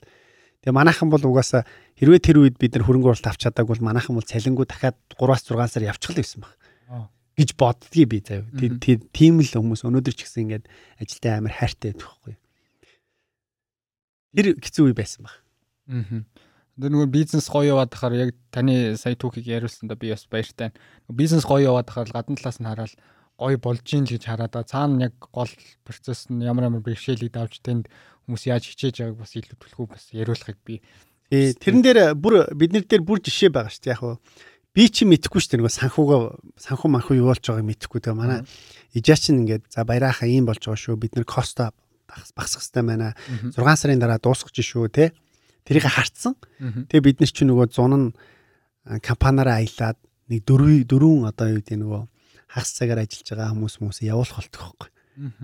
Тэгээ үнэхээр нөгөө дахиад яаж нэг сар илүү ажиллах вэ гэж бодож байгаа шүү дээ. Тийм үстэй нөгөө санхугаа барьж байгаа, удирдах байгаа захирлын хувьд бол ижа тийм л маг. Тэгээ одоо за ямар ч үсэн хүмүүсийг цөөлье гэж цөөлж исэн байхгүй. Тэгээ одоо тэгээд нэг сар үлдчихэд байдаг. Тэгээд тэрнээс ч бас дахиад 3 сар явж байгаа шүү дээ компани. Тэгээ нөгөө мөнгө чинь дуусаа. За одоо нэг л сарын хугацаа байна шүү те. Тэг чинь за одоо яах вэ гэж боддог те. Тэр тэр тэр хэцүү байгаа. Тэр өмнө нь бас дөрвийг нь явуулахт нь ёо бас л хэцүү байгаа юм чи ер нь бол тий. Үнэхээр явуулъя гэж явуулсангүй. Үнэхээр бид нар ингээд байгаа мөнгөндөө тааруулаад амар үр бүтээлтэй дараагийнхаа цикл дээр очих хэвээр цөөхөн үнээр тэгээ ихэн бүтээх хэвээр учраас бид нар ингээд ялчгүй ингээд явуулах хэрэгтэй байгаа даахгүй. Тэгэхээр тиймэрхүү юм уу чинь бас ингээд хамт олон гэдэг юм чинь тэрэн дээр айгүй их бэхждэг юм байл. Чандрыг бас шалгах нь шүү, тий. Тий, бэхждэг юм байлээ, тий. Нөгөө нөгөө залуучууд нь ч гэсэн амар ойлгож хүлээж аваад тий. Надад боломж олгосонд баярлалаа гэж байгаа байхгүй юу? Зарим нь ингээ гарахтаа би ингээд боломж олгосонд баярлалаа. Би энэ байх хугацаанд би амар их юм сурлаа гэж байгаа байхгүй. Тэгэл нөгөө аялж исэн үеэрээ зарлж марлаа. Нөгөө жоохон халамцтай байсан болохоор тэрч мөрөл үйлээ. Амар бас. Э ер нь багийн гişүүдийг та сонгохдоо бас сонгох нь гэж энэ би бурууг ашиглаж авах. Энэ хамтран ажиллах тэр хүмүүсийг анханта за энэ залууг ингээд багтаа авъя итгэж болох хүн байна гэхээр мэдээж ажиллаж үзээгүй юм чи шууд хараал нөгөө э, сканер байгаа шүү дээ шууд оншилж чадахгүй шүү дээ тэгээ та энэ багийн гişүүдээ сонгож сонгохдоо нэг тодорхой хувийн зарчим гэж байдаг уу өөрийн чинь үнэцүүлэлтэй илүү дөхөм хүмүүсийг илүү олж чарддаг. Таны яриаг сонсохоор илүү сэтгэл зүрэхтэй тэр бизнест бас мөнгө харж биш сэтгэлээ зориулж тэр алсын хараа нь юу юм те тэрнтэй нь бас тэр ажилд орж байгаа хүмүүсийн үнэт зүйл нь илүү тохирдог хүмүүсийг аваад байдаг юм шиг зүгээр янаас л би олж харлаа л да. Та тийм зарчим байдаг бол тэрийг хаваалцааш багийн гişүүдээс ер нь юуг нь хараад нэг гоё мэдрэмж төрд юм уу, энерги нь таард юм уу? Одоо нөгөө манай манай ингээ сүүлийн орж ирсэн ингээ бүр амар лаглаг ингээ залуучууд байгаа байхгүй юу. Бүр нэг нь ингээ манай номё гэдэг охин байгаа зөө одоо бизнес хөгжлийг ингээ хариуцсан явж байгаа охин байхгүй. Тэр ингээд хятад сурдаг заяа. Хятадын Бээжингийн их сургууль бүр ингээ амар 100% тэтгэлэгтэй амар мундаг хөгцөө Эрдэнтээс гаралтай. Тэгээд ковид болцсон ингээд Монголд ирсэн заяа. Тэгээ Монголд ирсэн байжгаад ремотээр сурж байгаа тэгээ чөлөө цаг ихтэй. Тэнгүүтээ шууд ингээ над руу линкдинээр бичиж байгаа байхгүй барьцгаахаа сайн байна уу гэх. Тэгээд надад шууд санал нэг нэг томьёогийн онгорхоо хоосон орон зайг санал болгож байгаа байхгүй. Би ийм одоо одоо хятадын тэг хамгийн топ сургуульд нь тэтгэлэгтэйгээр сураад явж байгаа. Тэгээд танаа томьёо дээр гэж байгаа байхгүй ороог байгаа шүү дээ. Хятадын талаар ямар ч мэдээл байхгүй байна. Гэхдээ би наадах чи ороод 2 сарын дотор хийж чадна. Та надаа итэг. Би шууд маргааш нь хүрээд дэрг. Тэгэл цаа чи Эрдэнтээс шууд богоон цугаал ирж байгаа. Тэгэл эренгүтээ маргааш эренгүтэл тэг би нөгөө ярьслага марцгаад би өөрөө ихгүй штэ тэ ээжаа ийн тэгээ ерөөхдөө ингээд тэгэхээр тэндээс юу харагч юм гэхээр тэр хүүхд тэр тэр залуучуудын дотор гал байгаа байхгүй. Тэр хүсэл эрмэлзэл тэр одоо тэр оруулах одоо тэгээ өөрийгөө дайшлах юм. Их их залуучууд яадаг вөхөр би танаад дор юм сурмаар байна. Юу солиороод байгаа юм бэ? Манайх сургууль юм уу? Юу юм? Чамд юм заадаг газар юм уу? Ямар ч компани чамд цалин өгчөөд дээр нэмэ чамд юм сурвана. Чи угаасаа ямар ч компанид орсон суран заяа. Тэгэхгүй ингээд би танаад орж юм сурмаар байна. Би үнэгүй ч гэсэн ажиллая. Төмөн янз юм байдаг хгүй. Залуучуудаа уучлаарай. Тийм байдаггүй шүү. Эсвэргээрээ тухайн тэр багт ороод би танаад ийм юм хийж өгч чадна. Гэтэ би магадгүй 100% чадахгүй ч магадгүй. Гэтэ би чадахыг хичээ. Ийм attitude те ингээд ийм хандлага байгаа шүү. Сүүл дараад бас нэг дахиад гэж байгаа байхгүй. Бид нар ингээд томьёохоо гişмжлийг яаж ингэж илүү өөр өөр хөдөө нутгийн хүмүүс төрөх вэ гэдэг нэг юм би сошиалоор баг бүрдүүлдэг байхгүй. Тэгээд за инстаграмаар авчихдээ за манай томьёотой хамтарч ажиллах те ийм залуучуудыг бүртгэж шүү форм бөглөөрөө swipe up-ыг бөглөөрөө гэдэг байхгүй. Мянган хүүхд бүртгэв. Вау. За одоо би чамд ямар ямар залуучууд нь амжилтанд хүрдэг ямар нь амжилтанд хүрдэггүй хэлээд. Мянган хүүхд бүртгүүлсэн зэ. Тэгээ мянган хүүхдийг би мэйлийн цуглуулж агаад нэг даалгавар өгч байгаа За би танарт ийм код өглөө. Энэ кодыг чи хамгийн ойр дотныхаа найз дээр томьёогийн талаар танилцуулаад тэгээд үр дүн гаргаад надад мэдэгдэж байгаа. Аа. Мянгаас хэдэн тэр даалгаврыг хийсэн гэж. 100. 30 хүртэл. Заяа. 30 хүртэл хийсэн заяа. Бусад 970 нь нөгөө одоо баг халамж авдаг хүмүүс гэсэн үг байхгүй юу? Тэ? Өө надаа надаа надаа надаа. Тэгээ яг өө чи нэг юм хийхээр би чадахгүй. Ийм л шүү дээ. Тэгээ 30 хүртэл хийсэн заяа. За одоо энэ 30 хүүхдээ яасан гэхээр би хоёр дахь даалгавар өгсөн заяа. За би та нартай 1 сарын хугацаанд 7 хоногийн 3 дахь өдөр болгон ажиллана. Заяа. Видео коллинг. 7 хоног болгон би та нарт нэг шин даалгавар өгнө. Тэгээ 1 сар явна гэж байгаа байхгүй. Тэгээ 30 хүнээсээ бүгдэн рүү видео коллоор инвитейшн явуулаад тэгээ 7 хоногийн 3 дахь болгонд 4-өөс 5 цагийн хооронд би уулзаж байгаа байхгүй. Тэгсэн чи яасан гэж нөгөө 30-аас чи 12 хүн үлдсэн. Бусд нь колдоо ирээгүй, мэдгүй болохгүй шалтгаан хийгээ. Тэгээ ингээ багс. Нөгөө мянгаас ч одоо 12 хөөхтөлч. Тэгээ нэ 12 хөөх чи ингээд 4 7 хоног болохоор чи 11 болно, 10 болно тий. Тэгээ сүлд нэг юм 8 ч үлээ 9 ч үлээ хөөхтөлч байгаа байхгүй. Тэгээ тэрэн дундаас нэг хөөхтөн. Заяа. Одоо манай сараа гэд манай бүх одоо харилцагчийн үйлчлэгийг хариуцж байгаа юм. Тэр охин бол заяа бүр ингээд бүр угаасаа харахаар ойлгомжтой байхгүй. дотроос нь бүр галан дүрлцсэн тий одоо ингээл өөр салбарх штэ тэгсэн мөртлөө ингээл хамаагүй би ингээл хийн хийн хийн тэгээд одоо тэрнээс тэгэл тэр тэрнийхэн дараа би сараад ажлын сал тавьсан байхгүй сараа чи ингээ манайх руу орж ирэх хэрэгтэй байна том өдөр ингээ манай багтаа хамтарч одоо ч алж штэ тэгээ нэг иймэрхүү зарчмаар тий ингээд нэг юм залуучууд одоо үнэхээр тий ажлын зар тавих юм бол том руу мянган аппликейшн 90 заяа. Гэхдээ үнэхээр энэ дундаас нь чи үнэхээр хүсээд байгаа мó? Эсвэл зүгээр л ингээд бой боломж олтохоор би ороо сурчий гэж байгаа юм гэдэг хоёрын ялгаа байна. Баясаа хахта ажиллаад үзье гэдэг. Я бараг л тий. Одоо ингээд манай шинэ офис стори ичингүү чинь оо өстө энэ гоё офис дээр нь орж ажиллах гэсэн. Нөө тэр чин та нарын ажилд орох арга биш байхгүй юу? Ямар нэгэн компанид орохдоо би ийм value өгч чадна. Би ингэж одоо та нарт тусалж чадна гэдэг юм бол харуулчих. Тэнгүү чин би юу гэж ойлгох вэ гэхээр а чи манай талаар ботсон юм байна. Тэ? Чи манай талаар суталсан юм байна гэдгийг би ойлгож байгаа юм. Тэгэхгүй одоо ингээд Нэг ийм зүйл ямар нэгэн постны дор мэдээлэл авъя гэдэг шиг зүгээр. Хадаа зүгээр боломж өгчгөө гэл алгаатас олсооч яхаар тэгээд ямар ч хүн э, сонголт хийж чадахгүй байх л та. Сая та ярианы ихэнх асуултууд дээр номон дээр гарснаар би нэг номын уншааг болохоор бас зарим асуултууд дээр бүдрээд ах шиг байна. А сая доллароос санаанаас сая доллар те. Энэ номороо уншигч нар нь саятан болсон уу? Та өөрөө саятан болсон уу? Аа энийгөө хүмүүс чинь нэг баяжих тухай бичээ баяжчдаг гэдэг шүү дээ. Тий. Тэгэхээр номон дотор бол мөнгөтэй холбоотой нэг ч өгүүлбэр байхгүй шүү. Аа. Сая доллартай холбоотой, мөнгө төрхтэй холбоотой, тооцоотой, санхүүтэй холбоотой нэг ч өгүүлбэр байхгүй. Аа. А тэгээд номын нэрийг яах вэ гэхээр дахиад нөгөө inspirational байх хэрэгтэй. Cover sales гэж үг юм байна л да. Cover sales буюу хавцсаа хавцнаасаа болоод ном зарагддаг. Тэгэхээр хавтас амар catchy байх хэрэгтэй. Тэгээд хавцас айгуу царайлаг байх хэвээр. Ийм хоёр шалгуур. Тэгэхээр гарчгийн catchy буюу санаанаас сая доллар стартап. А хоёрдугаарт нь царайлаг байх хэвээр би өөрийнхөө царайг тавьсан байхгүй. Яг би тэгээд одоо л ээж. Тэгээд тэрний ачаар одоо угаасаа бестселлер тий гарснаасаа хойш бараг 2 сар гарan болж байна. 2 сар бестселлертэй яваад байна тий. Тий. Нийтдээ бараг 7000 зарагцсан. Одоо бараг 4 дахь хэвлэл рүү орж байна. Тий. Тэгэхээр миний хувьд бол амар том одоо өөрийнхөө өмнө нь явуулж исэн 100 долларын сургалт байсан байхгүй. Тэрэн дээр бараг 200 гадаад дотоос 200 гаруй залуучууд би 100 доллараар ингээд сургалт хийжсэн байхгүй. Нэг өдрийн сургалт уу? Тий. Тэгээд тэр чинь ингээд хүн болгон 100 доллар төлж чадахгүй шүү дээ. Тэгэхээр энийг бид нар илүү яаж хүртээмжтэй олон хүнд хүргэх вэ те? Тэгээ ширээнийх нь ном болох вэ гэдэг үднээс ковидын үеэр би гэртээ сууж байхдаа нэг 2 7 хоног тал бичигнүүлсэн байхгүй. Тий, угаасаа контент нь байсан, материал нь байсан. Тэгэл мэдээж ном хийдэг редакторууд, дизайнерууд гэл чи амар тусгай. Бараг нөгөө зураг болгоныг ингээд мэрэгжлийн дизайнерт захиалга хийж хагаад өртөгтэй гарч байгаа зүйл хэвгүй. Тэгээд миний хувьд бол нэг энэ дээр бол амар нөгөө өртгийн хувьд те анхаарлын хувьд айгүй олон хүмүүсийг ажилуулсан. А би өөрөө болохоор минимум яаж цаг зарах вэ гэдэг тэр нөгөө чимээгээ эдрийг ашиглаад зүгээр шууд яриа явцсан байхгүй бичихээс илүү тэгээд тэгсэн байгаа. Тэгээд номын ачаар номон дээр бол одоо хэрэглэгчид уншигч нараас бүр супер фидбек байгаа. Яагаад зарагдаад байгаа ихээр анхны уншсан хүмүүс нь гоё гэж хэлсэн учраас ном зарагддаг байхгүй. Тэрнээс чүл энэ одоо үнэхээр маркетинг байсан бол эн чинь жоохон яваал унах хэрэгтэй байхгүй. Тий. Тэгэхгүй болохоор анхны уншсан хүмүүс нь бүр хатнаа хүртэл гисэ. Хатанбаатар чинь нөгөө миний номыг 30 минутанд уушаа бүгдийг цэжилж байгаа байхгүй. Тэгээ ярьж хагаад өө наадхан дээр чинь мань алдсан байсан байхгүй тий. Өө ингэжсэн. Өө миний memo words дээр би ингээ алдсан. Өө би сургалтын төв дээр ингэх байсан чи тэгсэн байлээ. Нөгөө сэдвээ өөрийнхөө туршлагатайгаа холбоод алдаатайгаа холбоод а маань одоо үүнээс хойш ингэх юм алсын аргаа тэгж тодорхойлох юм байна гэл номон дээрээс өөрийнхөө шууд амьдралтай холбоод айгүй олон зүйлийг сурцсан байхгүй. Тэг чи ингээд хүн болгонд авах юмтай айгүй тийм уншихад хялбархан Тэгээ орчин үед хүмүүс ийм зузаан ном амар хэцүү хэллэгтэй ном уншихаас илүүтэйгээр ингээд хөнгөн те TikTok шиг ном уншдаг болсон байхгүй. TikTok үзэж байгаа юм шиг Instagram үзэж байгаа юм шиг ном унших хэрэгтэй байхгүй.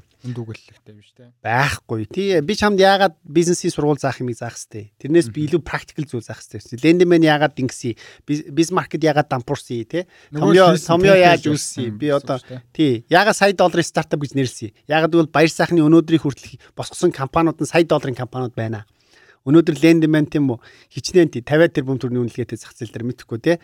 Өнөөдөр бизнес нетворк байна тийм үү? Одоо юу хичнээн мянган 4 5 мянган байгууллагууд ажлын зараа тавиад дунджаар те саяас 5 сая төгрөгийн төлбөр төлж гинөө. Чи одоо сая долларын компани мөн үү? Өнөөдөр томьёо тэрбумын өрөнгө оруулалт автсан. Тэ үнэлгээ нь одоо юу гэдэг хичнээн тэрбум байна. Энэ сая долларын компани мөн үү? Тэгвэл сая долларын компани босгох чамд аргыг чинь сая долларын компани босгож чадсан хүмүүнээс нь туршлагыг нь заяа л гэдэг санаа. Тэрнээс л чамайг баяжих тухай биш шүү. За баярлалаа. Дахиж ном бичих танд одоо гоё сэдв байна. Одоо өөр одоо л 7000 удаа зарагдсан гэдэг чинь ер нь бол таны туршлагыг, таны энэ түүхийг сонсох эрэлт хэрэгцээ хүмүүст байна гэсэн үг шүү дээ. Тэгэхээр дахиад өөр сэдвийн хүрээнд юм уу ном бичих гэсэн бодол байна уу? Бага. Ном бол бүр аимшигтэй хэрэгтэй байна гэж бодсон би. Би одоо нэг манай гэр бүл ч гэсэн ном уншдаг гэр бүл болоо ч юм уу те бид нэг ороо болгоо ингээ 8 цагаас бүгдээрээ нөгөө диван дээр тойрч сууж байгаа өөрсдөө чигээ дуртай номуудыг уншдаг байхгүй. Тэгэхээр ер нь ном гэдэг зүйлийг за дижиталаар байна уу те paper цаасаар нь байна уу ямар ч байсан олон хийж ингээд хүмүүс түгэж явах хэрэгтэй мэлээ. Тэгээ одоо ингээд нөгөө миний ном чинь хөдөө нутг руу одоо интернет Монгол шуудангаар амар их авдсан шүү дээ. Хөдөө нутгийн залуучууд аягүй их авдаг байхгүй. Тэгэхээр тэр хүмүүс чинь энэ мэдээлэлээр цангацсан байгаа байхгүй. Тэгэхээр тэрнтэй адилхан би дараагийнхаа номыг бичиж.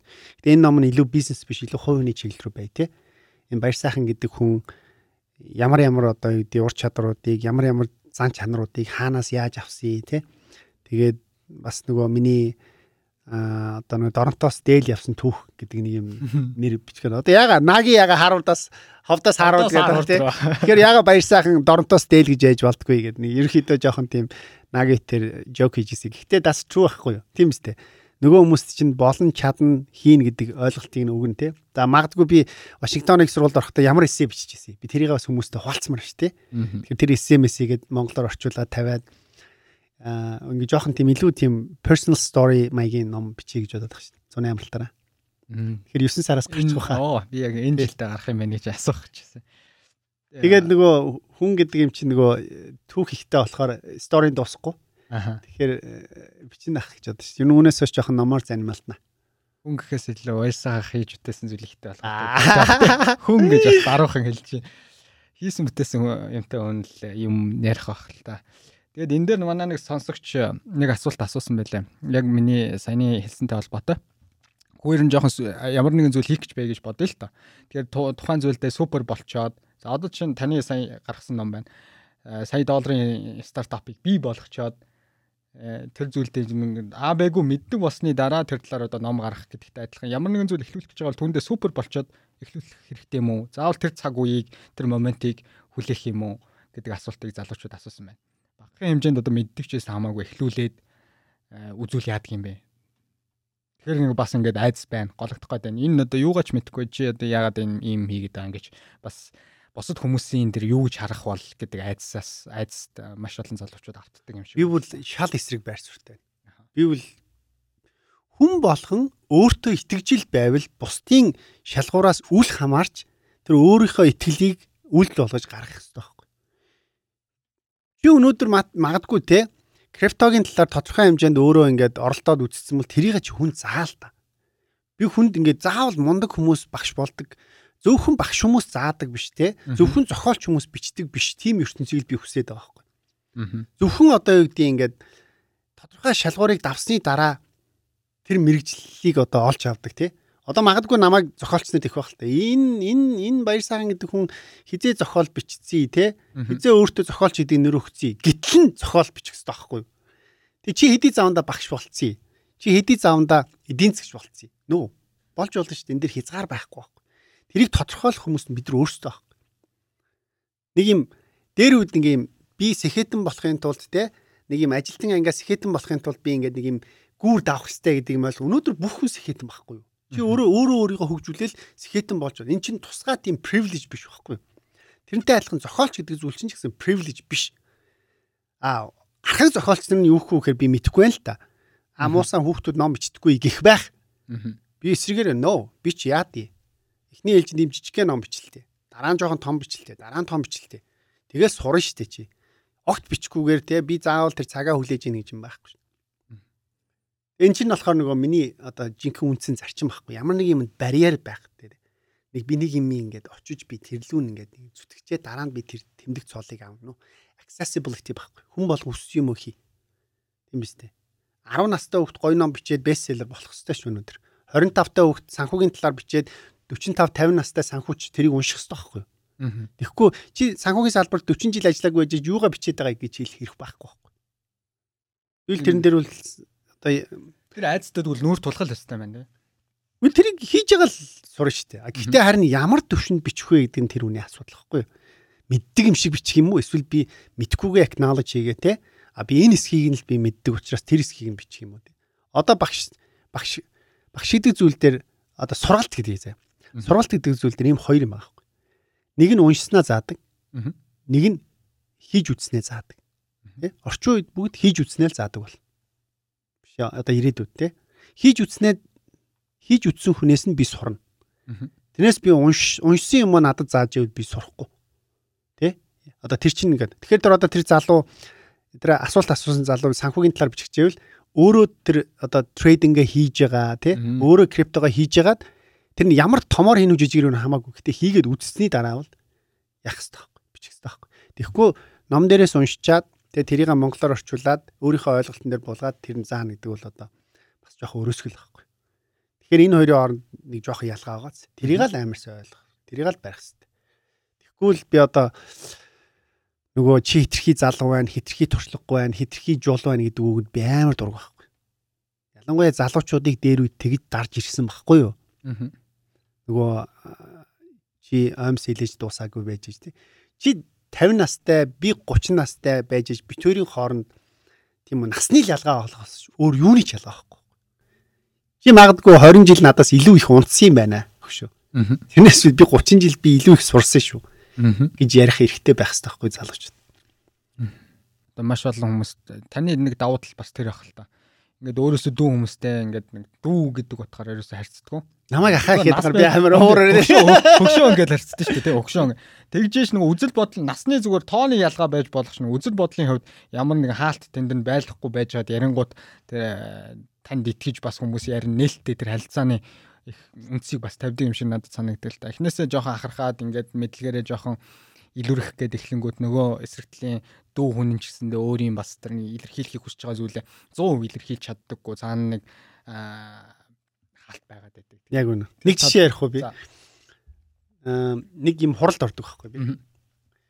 Тэгээд Америкаас ирсэн. Тэгээд нэг хуралд орж исэн чинь ингээд 6 тавлаач үлээ сууж исэн чинь нэг шин төгссөн ах ингээд юм ярих гэсэн байхгүй. Тэгсэн чинь нэг нилээ ах ахмад те нэг нилээ ахмад чи дугуй юу юугаа мэддгийг зүг. Тэгээ би тэрнээс энэ хүнийг хал. Халж байх. Энэ хүнийг энэ компаниас холдуул. Гэл тэгэл тэгэл дараа нь одоо энэ хүмүүстэй би ярина. Миний зарчим тэр байхгүй. Яага яага тэр хүн opinion байгаа шүү. Тийм үстэй. Opinion хэлэх хэрэгтэй байхгүй. Тэр хүн өөрийн гэсэн бодолтой үзэл бодолтой магадгүй арай өөр өнцгөөс харж иж болно. Магадгүй санаа түүхий байж болно. Гэтэ тэр санааг бид баяжуулж болно шүү. Тэгэхгүй нөгөө уламжлалт утгаараа бол би ярихын тулд би тэр privilege тэр нэг юм нэг юм тим болчоод би ярьдаг болно, тим болчоод бичдэг болно, тим болчоод тэр чин ирээдүйн талаар ахгүй. Яг одоо хийх хэрэгтэй байхгүй. Таны хувьд бол маш сайн аав гэж бол би зөвхөн нийгмийн ингээ сувг дээрээс одоо харахад бол тэгж харагддаг. Сайн аавынхаа үргэлж сайн гүйцэтгэх. Магадгүй одоо харагдаж байгаа өнцгөөс би харж байгаа юм чинь. Аа сайн аавын үргээ бас давхар гүйцэтгэж чинь хажуугаар нь энэ бизнес хамт олон гэдэг зүйл бол дахиад нэг хамт олон гэхээр дахиад нэг гэр бүл байгаа шүү дээ хоёр дахь гэр бүл. За нэгтгэж гэр бүл. За нэг л гэр бүл. Тэгэхээр энэ гэр бүлийн хувьд яаж тэнцвэрийг гоё ингэж хадгалж байна. Би нөгөө яагаад гэдэг чинь миний бас нэг хэлэх дуртай байдаг шүү дээ. Өөрийгөө хайрлагээ те. Жохон аминчхан байгээ те. Тэр айгу чухал нөгөө миний бас түрүүний айцтай холбоотой гэж магадгүй л те.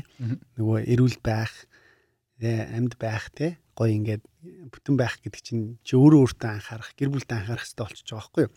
Тэгэхээр тэрнээсээ маш их таашаал авах хэрэгтэй. Тэрэндээ айгүй их цаг зарах хэрэгтэй. Миний хувьд ингээд хүүхдүүдээ өсөж байгааг нь харах. Ингээд шинэ юм сурж байгааг нь ингээд мэдрэх ч гэдэм юм ингээд тэр чинь ингээд бүр magical moment байхгүй юу. Ялангуяа ингээд хамгийн сүүлийн охин дээр ингээд бит хоёр бүр сүулдэ хийж байгаа үйлдэлүүдийг хараад би би рүү хараад my god тэ энэ үнт ингээд ямар гоё юм бэ гэдэг тэр мэдрэмжийг харцаараа битвэр шийдэлцдэг байхгүй. Өчигдөрхөө хүртэл чинь л ингээд яван дээр өсөрч ирээл ээжийнхаа үр дээр суугаал тэ. Тэгэл бүр саяхан ингээд барьж исэн баг чи ийм том болцсон гэл тэгэл битвэр хорондоо огт ярихгүй жил би би рүү хараад ёо гэл тэ бүр ингээд юунд талрах уу тэ бурхандаа талрахыг ингээд байгаа бүхэндээ талрахыг гэл тэр ингээд мэдрэмж орчиж байгаа байхгүй. Тэр тэрийг мэдрэх амар чухал. Тэрэндээ ингээд acknowledge хийгээд тэрэндээ яг одоодоо байгаад Тэгэхээр чи ингээд гэр бүлтэй цаг зарах тэгвэл одоо огт хоёр тавьж болохгүй зүйл байхгүй. Би одоо ямар ч ажилтай байсан, ямар ч хэцүү байсан ингээл аль болох ороо гэртээ байна. Хүүхдүүдтэйгээ байна. Одоо тэр уншлахын цаг дээр байна. Яг мэдээч завгүй зөндөө гарна, стресстэй зөндөө гарна. Гэхдээ үндсэн зарчим чинь тийм байхад тэрэн дээрээ цаг зарна. Тэгээ амралтын өдрөө ямар нэгэн арга хэмжээ хийн гэр бүлэрээ те хоолнд орд юм уу? Хотоос гард юм уу те? Паркаар аялд юм уу? Ямар нэгэн юм хийдэг те. Тэгээ тэндээсээ ирч хүчээ авах хэрэгтэй байхгүй. Ирч хүчийг бид нар ч робот биш шүү дээ дандаа ажиллана гэж байхгүй юм шүү дээ. Тэгээ тэр хайр тэр гоё моментуудаа мэдрэн. Тэгвэл хүүхд чи айгүй хурдан том болчихно. Бид нар айгүй урд өвчөрчд юм байлээ. Чи одоо ингээл байж байгаад нэг аргал 40-тэй болсон, нэг аргал 50-тэй болсон зэ. Тэгэхээр тэр бүх моментуудыг алгасахгүй мэдэрнэ гэдэг чинь бид нар ингээд яг одоодоо байхыг хэлээд байгаа. Тэр айгүй чухал. Тэгээд ажил дээр үл ойлгомжтой ш тий. Бид нар ажлахын төлөө мал шиг морь мал шиг амьдр ажиллах ёсгүй шүү дээ. Бид нар нэс ас жаргал мэдрэх хэрэгтэй байхгүй. Эндээсээ би гой таашаал авах хэрэгтэй. Тэгвэл би яагаад ажиллаад байгаа юм? Би өөрийгөө зоох гэж ажиллаад байгаа юм Тэр одоо тий хин хин хэний төлөө ажиллаад байгаа гэдэг юм байна. Тэр чин тэр амар чухал байгаа. Ярианыхаа одоо төгсгөл хэсэг рүү баг орох цаг болж байна. Тэгэхээр би ярианыхаа төгсгөл хэсгээр а одоо чинь өөрөөсөө илүү мэдлэгтэй хүмүүсээс жоохон хүн ингээ нэг жоохон санаа зовдөг гэдэг юм уу тэр өрөөнд ороод очиход ингээд 4 5 хүн сууж ялаа гэхэд тэр хүмүүст за би арай нэг болоогүй байна да гэдэг нэг мэдрэмжийг авдаг. За би энэ хүмүүсийн энэ буруу өрөөнд ороод ирсэн юм биш байгаа даа гэж бодогдох үе байдаг. Тэгэхээр таны хувьд хамгийн том одоо ингээд өнгөрсөн карьерийнхаа хугацаанд тэгж бодогдож исэн тэр хүний хажууд байхаас ингээд жоохон эмээхээс гадна аа энэ хүнээс бас суралцах зүйлүүд их вэ шүү. Миний төвшин бас арай болоогүй шүү гэж тэр хүнээс бүр үлгэр дөөрэл аммаар санагдажсэн тийм одоо ингээд хамгийн түрүүнд энэ асуултыг асуухад таны толгойд бууж байгаа асуулт. Түүх гэвэл тэр түүхээ хуваалцааш тэгээд тэр түүхийг сонсоод өнөөдрийнхөө подкастыг өндөрлөе гэж бодож байна. Зөв зөв. Энд дээр саяхан нөгөө томьёо дээр би ярьслах хийсэн байхгүй юу? Томьёо дээр ингээд бид нар outliers буюу ингээд нийгэмдээ үлгэр дуурайл үзүүлээ явж байгаа мундаг хүмүүсийн түүх гэдэг тэр хэсгээ дээр би нөгөө ярилцлагууд хийжсэн байхгүй. Тэгээд манайхнаас нэг нь болохоор оо амраа шаркыг оруулъя гэ тэ. Тэгээ амраа шарктай ярилцсыг ингээл тэнгуут нь би шууд өө би өөрөө ярилцсан шүү гэл тэ. Тэгээ бусдаа яг манай хэд ярилцаал. Тэгээд яг заримтай нь би цаг гарахаараа ярилцдаг байхгүй. Тэгээ амраа шарктай ярилцах болсон. Тэгээд цаадах чи ингээд гэртээ дуудаад тэг ингээд гэрт нь ороод ерөөхдөө ингээд тэр үнтэй ч өмнө зөндөө таарлаж байгаа шүү дээ би тий таарлдаал ярилцаал ингээл тэр төвшөнд байгаа. Гэтэ яг тэр тэр ярилцлагын үеэр бол би тэр хүнээс амар тийм энерги мэтэрсэн байхгүй. Тий. Вау одоо тэр хүний өнөөдрийн байгаа нөхцөл байдал тий. Аа одоо өмнө нь туулсан замлыг бүгдийг нь ярьж байгаа шүү дээ. Тэгээд тэр нэг бас нэг тэр ялангуяа тэр нэг ярилцлага хийсэн тэр булан молнод бүр ингээд нөх юм гоё энергитэй тий. Хойноо ингээд өвгийнхэн зураг баахан ном хийсэн тий өөрөө ном гаргацсан эргэлт сонголт гэдэг ном гаргацсан тий тэгэл тэр үед бол би бодчихлаа за би нилээн бас субботник хийх хэрэгтэй байна да тий нилээн зүтгэх хэрэгтэй байна да. Би нилээн бас эрт байгаа юм байна да надад гэж бодогдчихсан байхгүй. Тэгээд тэгээд тэрэн дээр би нэг асуулт асуучихсан гэдэг ингээ яагаад хүн даав ингээд банкны салбарт байж байгаад ингээд тий улс төрлөө орж байгаа юм асуучихсан гэсэн чинь. Аа бүр би одоо ингээд хийх юм уу хийчлээ шүү дээ тий. Би энэ банкны салбар гэдэг юм чинь тодорхой хэмжээнд оргилтон гараа үзчихлээ шүү дээ тий. Одоо би энийг бүр системээр нь цаашаа дараагийн том алхам нь хиймээр байна тий. Системээр нь өөрчлөлмөр байна, хуулиар нь өөрчлөлмөр байна. Одоо энийг би ингээд дараагийн төвшөнд гаргамаар байна. Би өөрийн гэсэн шинэ мөрөөдлөө олмоор байна гэж байгаа байхгүй.